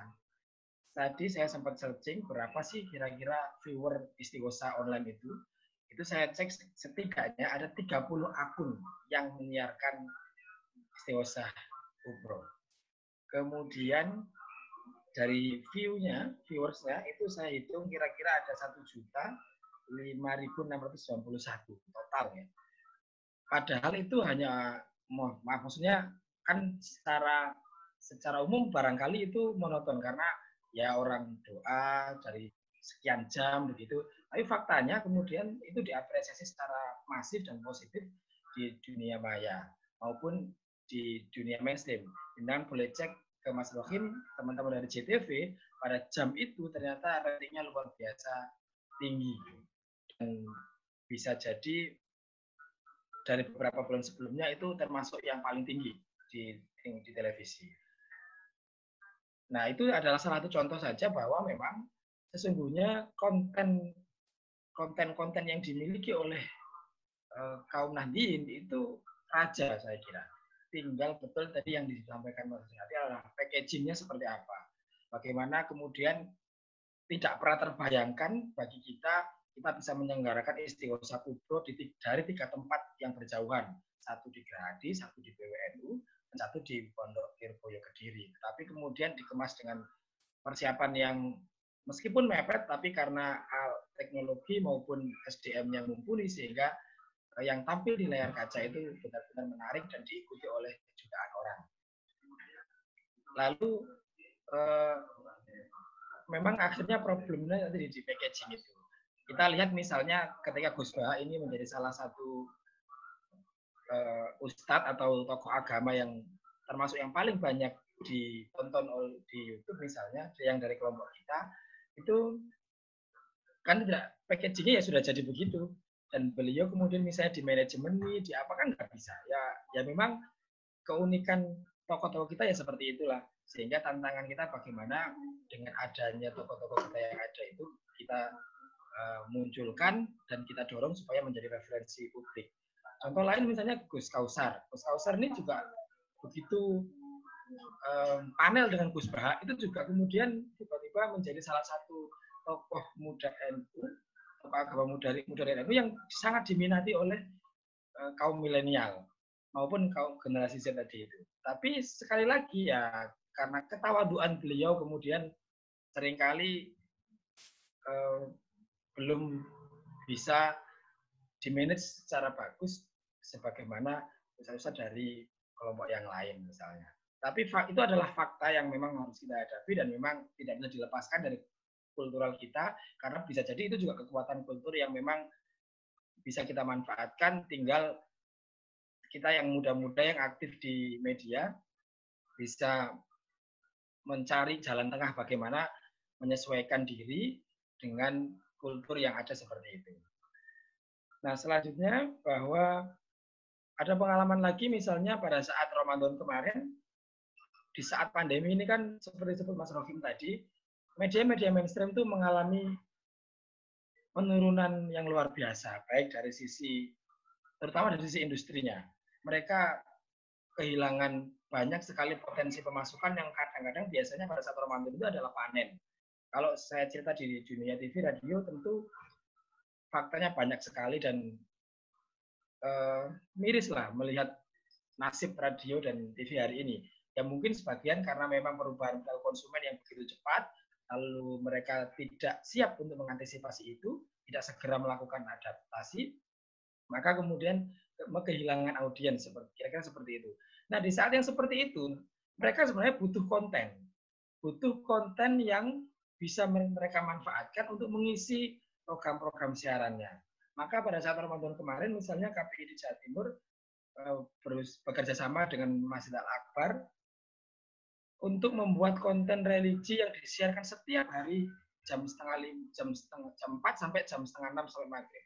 Dan itu ternyata setelah kemudian kami membuat surat resmi, kami sebarkan kepada TV radio, siapa yang bersedia untuk melakukan relay dipersilahkan dan free. Ya ternyata di luar dugaan, ada sekitar 17 televisi se-Jawa Timur dan sekitar 50 radio yang setiap hari muter pengajian dari Akbar. Dan itu karena free mereka kemudian justru intinya malah berterima kasih karena daripada mereka produksi sendiri butuh biaya menghadirkan ustadz itu juga susah di situasi yang seperti itu, mereka malah eh, berterima kasih ketika ada tawaran seperti itu. Nah, artinya begini, bahwa kalau kemudian teman-teman kreatif muda di NU bisa melakukan hal yang sama, KPID Jawa Timur juga bisa kemudian melakukan pendekatan kepada teman-teman media mainstream itu untuk uh, bekerja sama melakukan program bersama, program siaran bersama. Dan mereka justru akan berterima kasih karena tadi itu mereka sedang kesulitan memproduksi sesuatu, tapi justru ada orang yang menawarkan konten.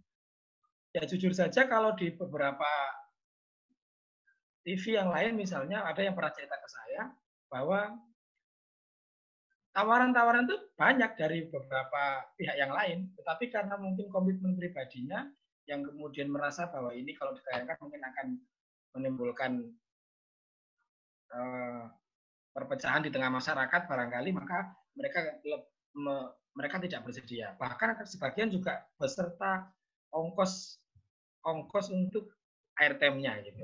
Tetapi tetapi alhamdulillah beberapa kemudian tidak bersedia karena mereka paham uh, dalam tanda kutip ditunggangi seperti itu. Nah itu menjadi salah satu beberapa contoh yang bisa kita lakukan ke depan bahwa sesungguhnya konten kita banyak yang sekali yang menarik, yang yang layak untuk ditampilkan di publik dan e, melalui jaringan media mainstream yang hari ini terkoneksi dengan KPID, kami sudah pernah kita coba dan ternyata berhasil dalam setidaknya dua program tadi, Istiqosa Kopro dan juga program ngaji ngabuburit online pada saat Nah, yang terakhir hmm, adalah soal kolaborasi. Bagaimana kolaborasi antar lembaga atau antar elemen DNP itu kadang-kadang memang menjadi salah satu yang salah satu PR besar yang sampai hari ini perlu perjuangan gitu karena misalnya eh, media ya kalau bisa saling support misalkan antara online alif.id kemudian bincang syariah itu kalau support saya kira akan menjadi sesuatu yang bagus. Tapi kadang-kadang itu belum bisa seperti itu. Kadang-kadang di kelompok yang lain atau di di unsur yang lain itu ada semacam persaingan begitu, meskipun sama-sama. Nah, ini itu tentu menjadi PR yang perlu kita perjuangkan di masa yang akan datang. Nah, sebelum saya menutup paparan ini, eh, saya ada buku satu buku ini judulnya peran media santri yang di situ adalah menulis tentang kiprah Mbak Wahab bagaimana beliau mengelola media pada masa-masa awal perjuangan NU. Saya punya 10 buku yang insya Allah akan saya hadiahkan melalui panitia. Nanti 10 ini siapa yang mau dikasih silakan. Di sini menarik sekali ceritanya bagaimana Wahab sejak awal itu sangat sadar betapa pentingnya media. Makanya pada tahun 1927 beliau mendiri, mendirikan yang namanya Suara Nahdlatul Ulama eh, yang meskipun pada awalnya masih dalam ditulis dalam aksara pegon dan kromo dengan kromo inggil. Lalu Suara Nahdlatul Ulama itu bermetamorfosis menjadi berita Nahdlatul Ulama pada tahun 31 dengan beberapa kader beliau ada Kiai Mahfud Siddiq, Kiai Abdullah Ubed yang meneruskan dan bahkan fenomena salah satu fenomena terbesar berita NU itu adalah ketika pada tahun 34 ini berhasil men, dikirim ke Mekah. Kemudian di Mekah sana di Mekah sana kemudian dibaca oleh para santri atau para atau orang Indonesia yang sedang belajar di Madrasah Salatiyah. Lalu diceritakan di situ ada salah satu guru dari India yang tidak senang teman-teman santri membaca berita NU atau berita ulama bahkan sampai dirobek dan dibuang. Dan gara-gara itu, kemudian mereka sakit hati, tidak terima para santri ini, lalu 95 persen siswanya ini keluar, tidak mau lagi belajar di Solatia. Akhirnya kemudian mendirikan madrasah baru namanya Madrasah Al Ulum. Nah, menurut saya itulah kekuatan media NU bisa mengubah abrik dunia kira-kira begitu. Dan kita harapkan ke depan ini menjadi inspirasi kita agar mengembalikan kekuatan media NU sebagaimana yang dulu pernah dirintis oleh Mbak Wahab. Terima kasih. Demikian dari saya. Wassalamualaikum warahmatullahi wabarakatuh. Baik, terima kasih Mas Afif uh, sudah menyampaikan pemaparan, yaitu selanjutnya langsung saja ya, karena kita keterbatasan waktu juga, langsung kita beralih ke Gus Ahmad Najib, AR Ketua LTN NU Jawa Timur, yang juga akan menyampaikan mengenai bagaimana tantangan media Nahdlatul Ulama ini di tengah generasi darurat literasi. Lantas strateginya juga bagaimana? Monggo saya persilakan kepada Gus Najib.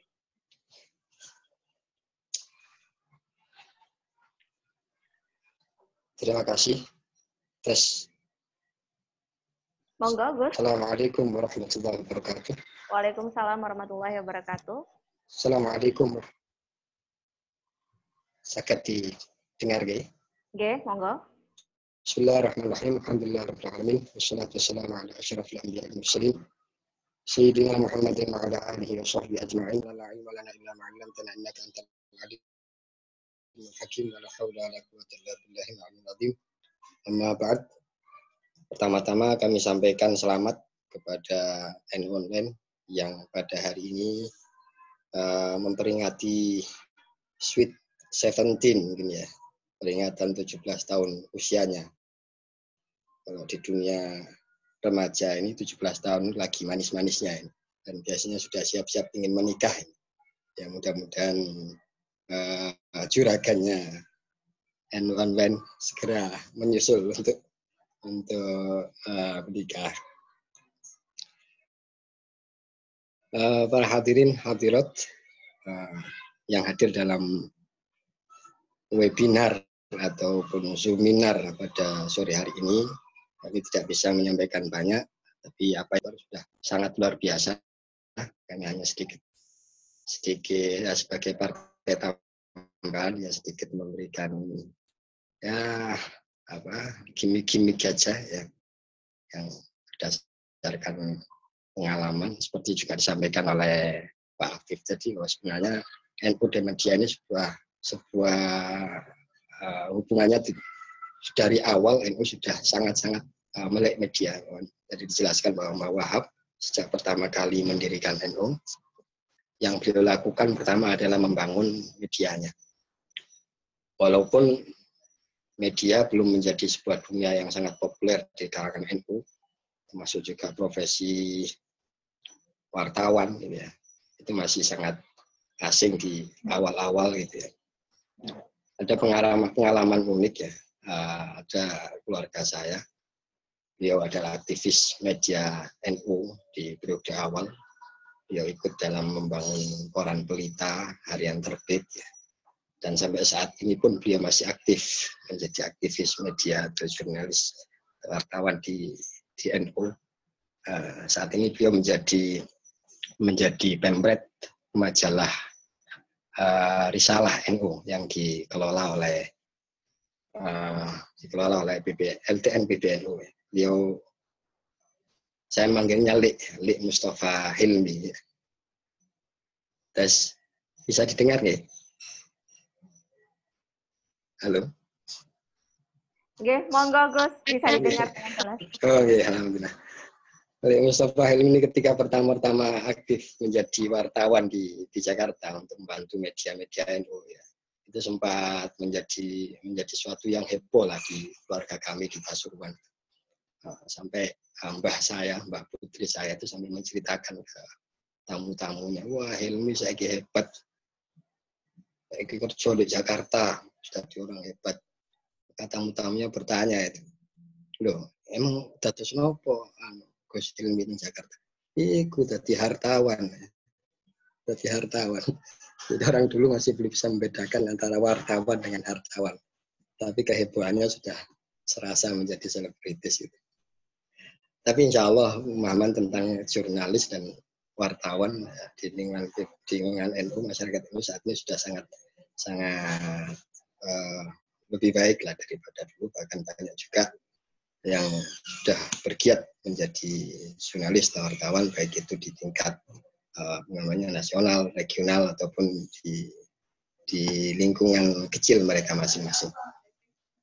Uh, para bapak-bapak, ibu-ibu yang hadir dalam acara ini, kebetulan kami diberi tema tantangan media NU di tengah generasi darurat literasi. Uh, memang dalam banyak survei dalam 10 tahun atau bahkan lebih lebih mundur lagi 20 tahun ke belakang ini banyak survei baik yang dilakukan oleh di Indonesia ataupun di dunia internasional itu uh, agak miris untuk membacanya karena ternyata tingkat melek literasi atau indeks uh, minat baca masyarakat Indonesia itu uh, tergolong di soft yang belakang gitu. Soft yang belakang. Karena di tahun 2015 ada sebuah lembaga survei di Amerika yang menempatkan Indonesia minat bacanya itu di tingkat 62 dari 72 negara. Dari 72 negara. Bahkan yang terbaru 2017 kalau nggak salah itu juga ada yang melakukan survei di dunia internasional ternyata Indonesia hanya satu digit paling belakang, digit paling belakang di antara negara-negara di tingkat in, atau indeks uh, minat bacanya. Ini memang memprihatinkan, miris dan juga uh, menjadi lecutan bagi kita semua, walaupun tidak sepenuhnya bisa kita kita percaya karena karena tolok ukur yang digunakan kadang-kadang berbeda. Dulu pada masa-masa awal-awal kemerdekaan Indonesia dibilang sebagai republik yang buta huruf. Republik yang buta huruf. Negara baru yang belum melek baca gitu. Tapi ternyata yang dijadikan tolok ukur adalah Latin. Padahal kebanyakan masyarakat Indonesia saat itu sudah melek baca tapi bacanya adalah baca Arab baca Arab atau baca Arab Tegon sehingga kalau dikatakan buta huruf sebenarnya mereka sudah melek baca tapi bukan Latin kadang-kadang memang ada ada distorsi dalam dalam tolok ukur yang digunakan. Ada semacam Latin minded ya, ada sebuah hegemoni uh, aksara yang dilakukan oleh dunia internasional sehingga menempatkan sesuatu seolah-olah sesuai dengan standar mereka. Padahal setiap negara, setiap daerah, setiap wilayah itu memiliki budaya literasi sendiri-sendiri, termasuk aksara sendiri-sendiri. Seperti Indonesia ini kadang-kadang aksara yang dimiliki ya bisa lebih dari dua tiga aksara.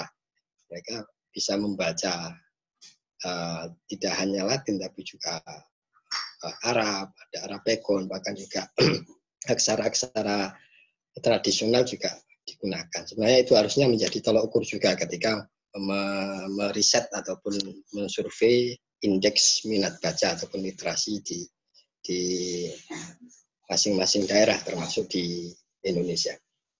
Uh, singkat saja mungkin uh, terkait dengan darurat literasi ya istilahnya di darurat literasi.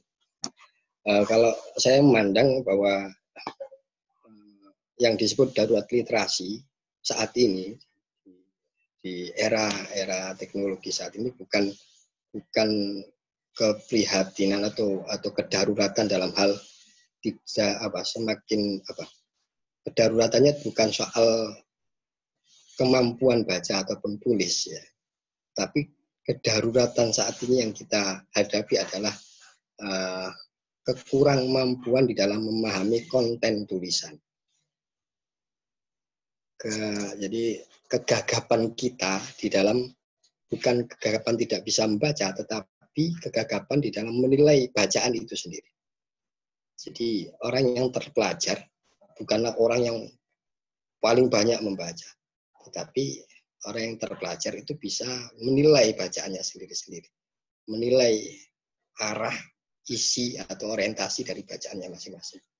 Kita ketahui banyak di antara kita yang terpapar, katakan ya, terpakar ideologi-ideologi tertentu bukan karena mereka malas baca, tapi justru kebanyakan membaca. Hanya saja bacaannya yang tidak terseleksi, tidak didasari dengan keilmuan yang cukup sehingga mereka terbawa oleh oleh orientasi dari si penulis yang memang punya punya tendensi-tendensi tertentu. Banyak di antara kita baik yang sudah mempunyai tingkat akademik yang tinggi atau bahkan juga uh, dikenal sebagai intelektual ternyata mereka gagap di dalam literasi, di dalam membaca membaca konten sebuah tulisan ataupun media. Dan ini sebenarnya yang menjadi yang yang lebih darurat, lebih darurat di dalam dunia literasi bukan hanya soal minat ataupun kemampuan baca dan tulis tetapi menilai atau menyeleksi bacaan dari dari tulisan ataupun konten media yang ada dan ini juga menjadi tantangan bagi bagi kita media-media NU saat ini termasuk juga di masa depan karena bagaimanapun media ini menjadi sebuah kawah candara di muka menjadi sebuah medan pertarungan menurut saya. Pertarungan bisa dalam banyak bidang, termasuk dalam bidang ideologi, dalam bidang uh, sosial, dan lain-lain. Karena itu dia sangat-sangat mewarnai dan juga menentukan ya siapa pemenang pertarungan tersebut. Karena itu jika media-media NU ingin ingin menjadi menjadi uh, pihak yang unggul atau pemenang dalam media ini ya dalam dalam pertarungan ini tentunya harus lebih lebih kreatif, lebih inovatif dan juga bisa menjangkau melebihi masanya. Jadi berpikirnya bukan hanya apa yang ada saat ini, tapi juga berpikir apa yang akan terjadi masa yang akan datang. Sebenarnya apa yang, yang dicapai oleh N1 ini sudah sangat luar biasa. 17 tahun bertahan itu juga sudah prestasi yang yang jarang dicapai oleh banyak media tetap istiqomah mengabarkan kebaikan konten-konten positif baik di internal NU maupun ataupun yang terkait dengan kebangsaan itu sudah capaian yang menurut saya sangat-sangat perlu diapresiasi. Hanya saya mungkin perlu perlu adanya inovasi-inovasi yang melebihi masanya karena karena ya zaman teknologi ini atau era era digital ini menuntut kreativitas dan inovasi yang yang semakin cepat dan juga semakin semakin uh, perubahannya semakin tidak tidak bisa terprediksi. Karena itu uh, kita ya kita terutama uh, pegiat media baik itu di struktural NU maupun uh, di kultural NU harus lebih bisa berkolaborasi berkolaborasi tidak jalan sendiri-sendiri ya. Tidak satu sama lain tidak menjadikan objek ya. Kita harus bisa ya bergandengan tangan bisa berjalan bersama dengan sinergi yang lebih kuat termasuk juga dalam hal dalam uh, sharing teknologi, sharing kemampuan dalam dalam penguasaan media dan teknologinya ini perlu perlu dilakukan, terutama di pesantren-pesantrennya. Di pesantren-pesantren sebenarnya uh, kesadaran akan medianya sudah sangat sudah mulai baik sudah mulai baik. Pesantren-pesantren besar terutama rata-rata sudah punya media, baik itu media yang offline maupun online. Hanya saja mungkin perlu untuk di, di support dari berbagai macam sisinya, terutama dari pendidikan ataupun keterampilannya untuk bisa bersaing dengan dengan media-media uh, sebelah lah yang memang saat ini ya bisa kita ketahui sangat masif dan sangat sangat sangat apa ya, intervensinya itu sangat sangat kuat sekali. Uh, jadi itu mungkin mungkin dua hal yang perlu perlu kami sampaikan dalam forum ini. Yang pertama perlunya kita meningkatkan literasi, literasi dalam arti bukan sekedar minat dan kemampuan baca tulis saja, tapi juga kemampuan menilai dan memahami konten eh, agar tidak terjebak pada apa yang di, apa yang disampaikan oleh penulis yang ternyata mempunyai tendensi ataupun kepentingan tertentu. Karena memang ada uh, ada ada ada istilahnya di, di dalam beberapa desa warsa terakhir ini ada ada yang namanya hypno writing ya. Hypno writing, hypno writing itu apa? Tulisan yang menghipnotis tulisan yang menghipnotis. Kita tahu banyak di antara orang-orang yang sebenarnya bukan orang yang tidak terdidik, tetapi gagal lepas dari hipnos, hipno, hipnosi dari tulisan sendiri.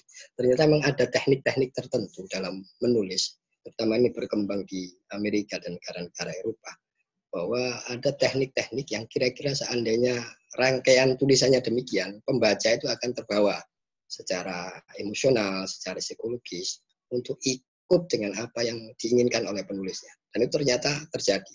Dan itu digunakan dalam banyak hal, terutama dalam bidang politik, termasuk juga ideologi. Nah ini sedang mewabah juga di lingkungan kita. Ada banyak pakar yang menilai bahwa kenapa terjadi gerakan-gerakan massa yang cukup besar ya, padahal padahal isu dan dan yang di yang dituntut itu hanya hal-hal yang kira-kira mungkin hanya pikiran beberapa orang saja tapi bisa menggerakkan masa yang cukup besar. Itu ada yang mengatakan bahwa salah satunya adalah karena kekuatan hipno writing tersebut. Nah, seorang yang melek literasi sebenarnya dia harus bisa melepas melepaskan diri atau punya ketahanan ketahanan literasi untuk memahami konten agar tidak terjebak pada hipnosi dari uh, tulisan ataupun konten media tertentu. Yang pertama, yang kedua memang perlu mungkin NU online, PBNU ataupun uh, bekerjasama dengan banyak pihak terkait untuk mulai melakukan penetrasi dalam pendidikan pendidikan media dan teknologi IT di lingkungan pesantren. Karena memang selama ini masih belum belum ter uh, tersusun lah kurikulum yang yang uh, baik yang uh, semuanya masih berjalan sendiri-sendiri sesuai dengan kemampuannya sendiri. Kalau kalau misalkan ada program tertentu radio online ataupun PBNU yang bisa membantu peran pesantren dalam penguasaan media, termasuk juga dalam dunia literasinya itu akan sangat membantu dan sangat baik sekali untuk pengembangan literasi dan media NU ke depan. Mungkin itu yang bisa kami sampaikan. Mohon maaf manakala banyak kekurangan. Assalamualaikum warahmatullahi wabarakatuh. Waalaikumsalam warahmatullahi wabarakatuh. Kami ucapkan terima kasih kepada Gus Najib ya selaku Ketua LTN NU Jawa Timur dan selanjutnya yang terakhir tentunya tadi kita sudah mengikuti bersama ya bagaimana uh, masukan dan juga wacana-wacana yang sudah disampaikan oleh beberapa narasumber. Lantas apa formula NU Online Jawa Timur ini untuk menghadapi tatanan new normal sebagaimana yang sudah disampaikan oleh narasumber ini. Langsung saya persilakan kepada Gus Syaiful Ibnu Nawawi, Pemret NU Online Jawa Timur untuk memaparkan um, materi selanjutnya. Monggo. Ya, terima kasih. Assalamualaikum warahmatullahi wabarakatuh. Uh, kepada moderator atas waktunya ucapkan terima kasih pada beberapa narasumber, khususnya Prof. Ahmad Muzaki, eh, Sekretaris PBNU Jawa Timur, Mas Mahfid Khairon, eh, redaktur pelaksana online di Jakarta, Abdul Rahim, BTP, Mas Hasanuddin Ali, uh, dari yang Para, Mas Afif, dari KPID, dan yang terakhir tadi Gus Najib sebagai Ketua PWL dan Iya, uh, seperti yang saya sampaikan di awal ya, bahwasanya keberadaan saya ini uh, istilahnya kalau di Facebook itu saya bilang saya bagian beber kloso ya. Jadi yang punya panggung ini kan sebenarnya beber kloso, nyiapin panggung, terus kemudian nyatet aja. Dan kebetulan tadi impor apa tuh catatannya seperti yang disampaikan Mbak Merah banyak sekali. Oleh karena itu layak barangkali Mas Mahfid ini harus mengucapkan terima kasih kepada Jawa Timur karena yang punya gawe ini kan Jakarta, tapi kita rayakan di sini. ya, oleh karena itu uh, inilah antara lain uh, sinergi kita NU acara Naji Jakarta, tapi kita bisa mensupport dengan sangat optimal hingga ke Jawa Timur dan juga beberapa kota yang ketiga, barangkali kita harus menyampaikan terima kasih kepada kawan-kawan yang di balik layar ini, Prof. Zaki, yang di balik layar ini, yang justru yang sangat membantu kita. Kita kan sudah tinggal duduk cara dan menyampaikan ide-ide yang disampaikan. Ini ada Mas Sukron, ada teman-teman bahkan kalau bisa di shoot ketahuan nih teman-teman ini lagi nyapin apa nyapin apa sebelum kegiatan ini kan sampai sampai uh, eh, apa itu di acara ini akan berakhir. Selanjutnya uh, barangkali tugas saya setelah disampaikan oleh beberapa narasumber, tugas online Jawa Timur itu menjadi ringan karena ya udah semua sudah dipaparkan peluangnya apa, tantangannya apa, terus kemudian apa yang harus dilakukan.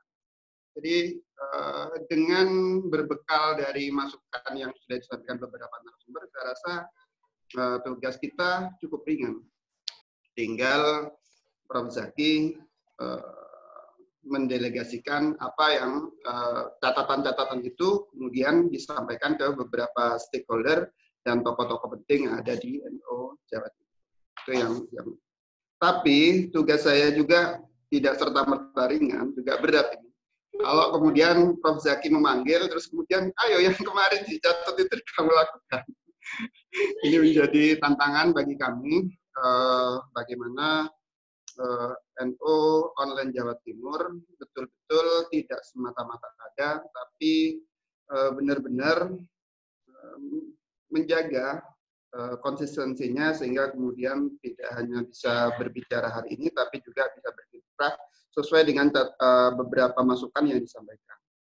Ada poin penting yang bisa saya sampaikan terkait sebelum acara ini ditutup bahwasanya kita kaya terus terang kaya dengan konten, kaya dengan uh, apa ini uh, liputan uh, di Jawa Timur itu kalau boleh saya mengatakan eh, NU pilarnya itu ada di Jawa Timur. Jadi teman-teman yang Nyuwun Sewu yang aktif di mana di Jakarta atau di mana-mana itu rata-rata memang mereka sebenarnya dari Jawa Timur juga setelah ditelisik lebih dalam. Oleh karena itu eh, potensi-potensi ini menurut saya perlu kita uh, optimalkan. Kita punya banyak tokoh yang yang mungkin kayak yang pastinya kaya dengan uh, pengetahuan. Kita juga punya banyak pesantren yang kaya dengan kegiatan dan juga kajian keagamaan. Kita juga punya madrasah dan juga kampus di Jawa Timur yang sangat berlimpah. Nah, itu bagaimana caranya uh, kita bisa mengeksplorasi, ya, jadi menggali kembali Eh, potensi-potensi yang ada itu dengan dengan baik. Tapi tugas itu menurut saya tidak tidak selesai kalau tidak ada inovasi. Karena itu makanya beberapa catatan tentang packaging, terus kemudian uh, kegiatan liputan yang liputan yang berbasis sensasional itu kan sebenarnya inovasi yang harus melekat uh, untuk kita terus jaga sehingga konten yang sudah berlimpah itu bisa benar-benar bisa dinikmati oleh generasi-generasi mendatang. Karena terus terang generasi mendatang kecenderungannya sudah berbeda dengan generasi-generasi yang sekarang. Oleh karena itu uh, ada bahwasanya al muhafadhu ala qadimi soleh wal aslah itu menjadi sangat relevan bahwasanya kita tetap meng, uh, betul menggali kembali seluruh potensi yang ada di NU Jawa Timur dan pada saat yang sama kita juga uh, bagaimana berinovasi sehingga kemudian konten yang sudah kita buat bisa diterima oleh kalangan-kalangan khususnya kalangan kalangan anak muda yang ada di Indonesia dan juga di dunia. Saya rasa itu yang bisa saya sampaikan. Sekali lagi terima kasih kepada sejumlah pihak yang telah bekerja sama sehingga kemudian kegiatan ini bisa sukses terselenggara. Uh, khususnya kepada NU Online, selamat memasuki usia yang ke-17 tahun. Semoga dengan tambahnya usia semakin uh, kaya inovasi dan juga kaya apa itu konten yang bisa diterima oleh semua kalangan. Saya rasa itu Mbak Mer.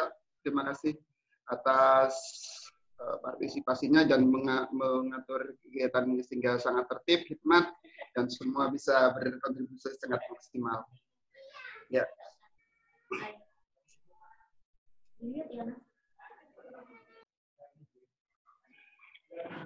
Baik, terima kasih kepada Gus Syaifullah Ibnu Nawawi ya sudah menyampaikan bagaimana um, sebagai pemrat ada online Jatim. Namun sebelumnya memang um, kita ada sesi tanya jawab, yaitu sudah ada hadiah ya, sedikit hadiah dari kita yaitu peran media santri Kiai Haji uh, kiprah Kiai Haji Ahmad Wahab Hasbullah. Namun sepertinya karena waktu kita terbatas, insya Allah kita akan hadir kembali ini ya sesi sesi diskusi kedua. Maka dari itu kita juga ajak untuk para partisipan untuk bisa mengikuti diskusi selanjutnya 15 hari lagi insya Allah tentunya dengan tema yang berbeda nantinya dakwah digital pesantren. Nah tadi juga sempat disinggung juga bagaimana sinergitas dari NU online ini untuk uh, dengan beberapa pihak salah satunya bagaimana concern ke uh, di dunia pesantren ini. Nah, tentunya ini nanti kita akan ambil uh, tema itu yaitu dakwah digital pesantren di tengah tatanan dunia baru. Sebelumnya saya ucapkan uh, terima kasih juga kepada seluruh um, narasumber baik Prof. Muzaki, lalu ada Gus Saifullah Ibnu Nawawi tadi sudah menyampaikan selaku perwakilan Pemret, lalu ada Gus Mahbib Khairon, redaktur pelaksanaan online, ada Mas Abdurrahim, pemimpin redaksi JTV sudah bergabung bersama kami. Terima kasih. Dan juga Gus Najib, Ketua LTN Jawa Timur. Ada Mas Afif Amruo, Ketua KPID. Dan juga tentunya Mas Hasanuddin Ali, CEO Alfara Riset, yang sudah bergabung bersama kami. Juga terima kasih. Dan um, selanjutnya mungkin ditutup dengan doa. Ya. Oh baik. Baik, ada closing statement dari Prof. Zaki. Monggo mungkin bisa disampaikan untuk closing statement. Monggo untuk Prof. Muzaki. Uh, terima kasih uh, sahabat-sahabat sekalian. Uh, saya orang yang sangat uh, senang sekali uh, sore ini karena mendapatkan pencerahan yang sangat signifikan sekali dari dari narasumber kita yang kontribusinya luar biasa. Nah, tinggal kemudian uh, hasil dari uh, acara ini direkap secara baik. Kemudian berikutnya adalah media yang ada di PWNU dengan memanfaatkan jejaring yang uh, kita punya, baik uh, melalui uh, Gus Saiful dengan NU Jatim Online, online Jatim dan dengan NU Online di PWNU serta jejaring media yang sudah dibangun oleh tim media PWNU melalui jejaring yang ada di pesantren dan juga eh, cabang-cabang di seluruh eh, Jawa Timur untuk kita lakukan kanalisasi.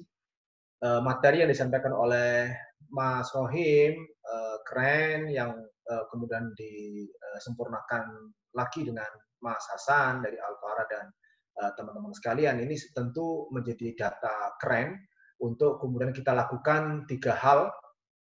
Satu segmentasi, yang kedua adalah positioning, yang ketiga adalah diferensiasi untuk melahirkan sebuah gerakan baru, dakwah di ruang digital, dakwah di era baru bagi generasi uh, muslim baru, dan dakwah yang membedakan bahwa ini ala NU dengan bermain di uh, panggung depan dan panggung tahun uh, belakang demi kemaslahatan kita bersama. Saya menyambut baik ke acara ini dan tentu ini acara perdana yang keren dan tentu akan kami laporkan kepada para masyayikh dan pengurus PWNU Jawa Timur untuk mendapatkan penguatan ruang-ruang uh, uh, seperti ini ke depan untuk diperkuat lebih lanjut sehingga NU hadir di tengah masyarakat, NU hadir uh, untuk menyapa kebutuhan real masyarakat baru, kebutuhan real apa ruang-ruang baru yang lahir karena di antaranya pandemi COVID-19 dan tentu ke depan eranya sudah berubah kebiasaan baru kita tata bersama-sama dengan uh, penguatan di bidang dakwah di ruang uh, digital. Saya terima kasih kepada seluruh teman-teman sekalian. Ini keren dan kita lanjutkan bersama-sama untuk kebaikan NU uh, Jawa Timur dan di Indonesia pada masa yang akan datang. Terima kasih. Assalamualaikum warahmatullahi wabarakatuh. Waalaikumsalam warahmatullahi wabarakatuh. Baik, saya ucapkan terima kasih sekali lagi kepada Prof. Muzaki dan juga seluruh narasumber yang sudah bergabung dalam diskusi pertama ya, seri pertama kali ini. Insya Allah kita akan jumpa lagi di seri diskusi kedua yang 15 hari lagi tentunya dengan tema yang berbeda yaitu dakwah digital pesantren di tengah tatanan dunia baru. Terima kasih pada seluruh partisipan yang sudah bergabung bersama kami. Sampai jumpa uh, lain waktu ya. Dan jangan lupa kita juga launching untuk jatim.nu.or.id. Silahkan simak berita-berita tersebut, silahkan um, dicari ya di jatim.nu.or.id sekali lagi. Saya Putri Humero mohon pamit undur diri. Terima kasih sudah bergabung bersama kami. Wallahul muwaffiq ila Wassalamualaikum warahmatullahi wabarakatuh. Waalaikumsalam.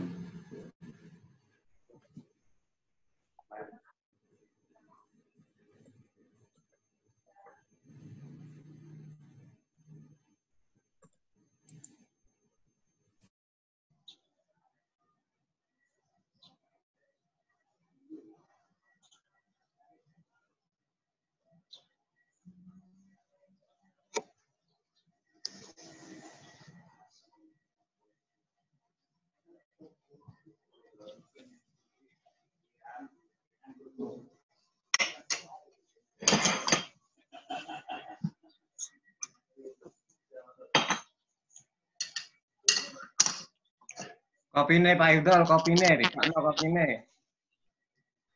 Nah, tuh pengane pun dini. Ayo Bu. Terima kasih. Ayo tono. Tumpengane. Mana Cip? Ya napa niki? Tumpengane niki. Pak Saiful Tumpengane. Tumpengane online. Tumpengane gambarnya bisa di-share. Gak dites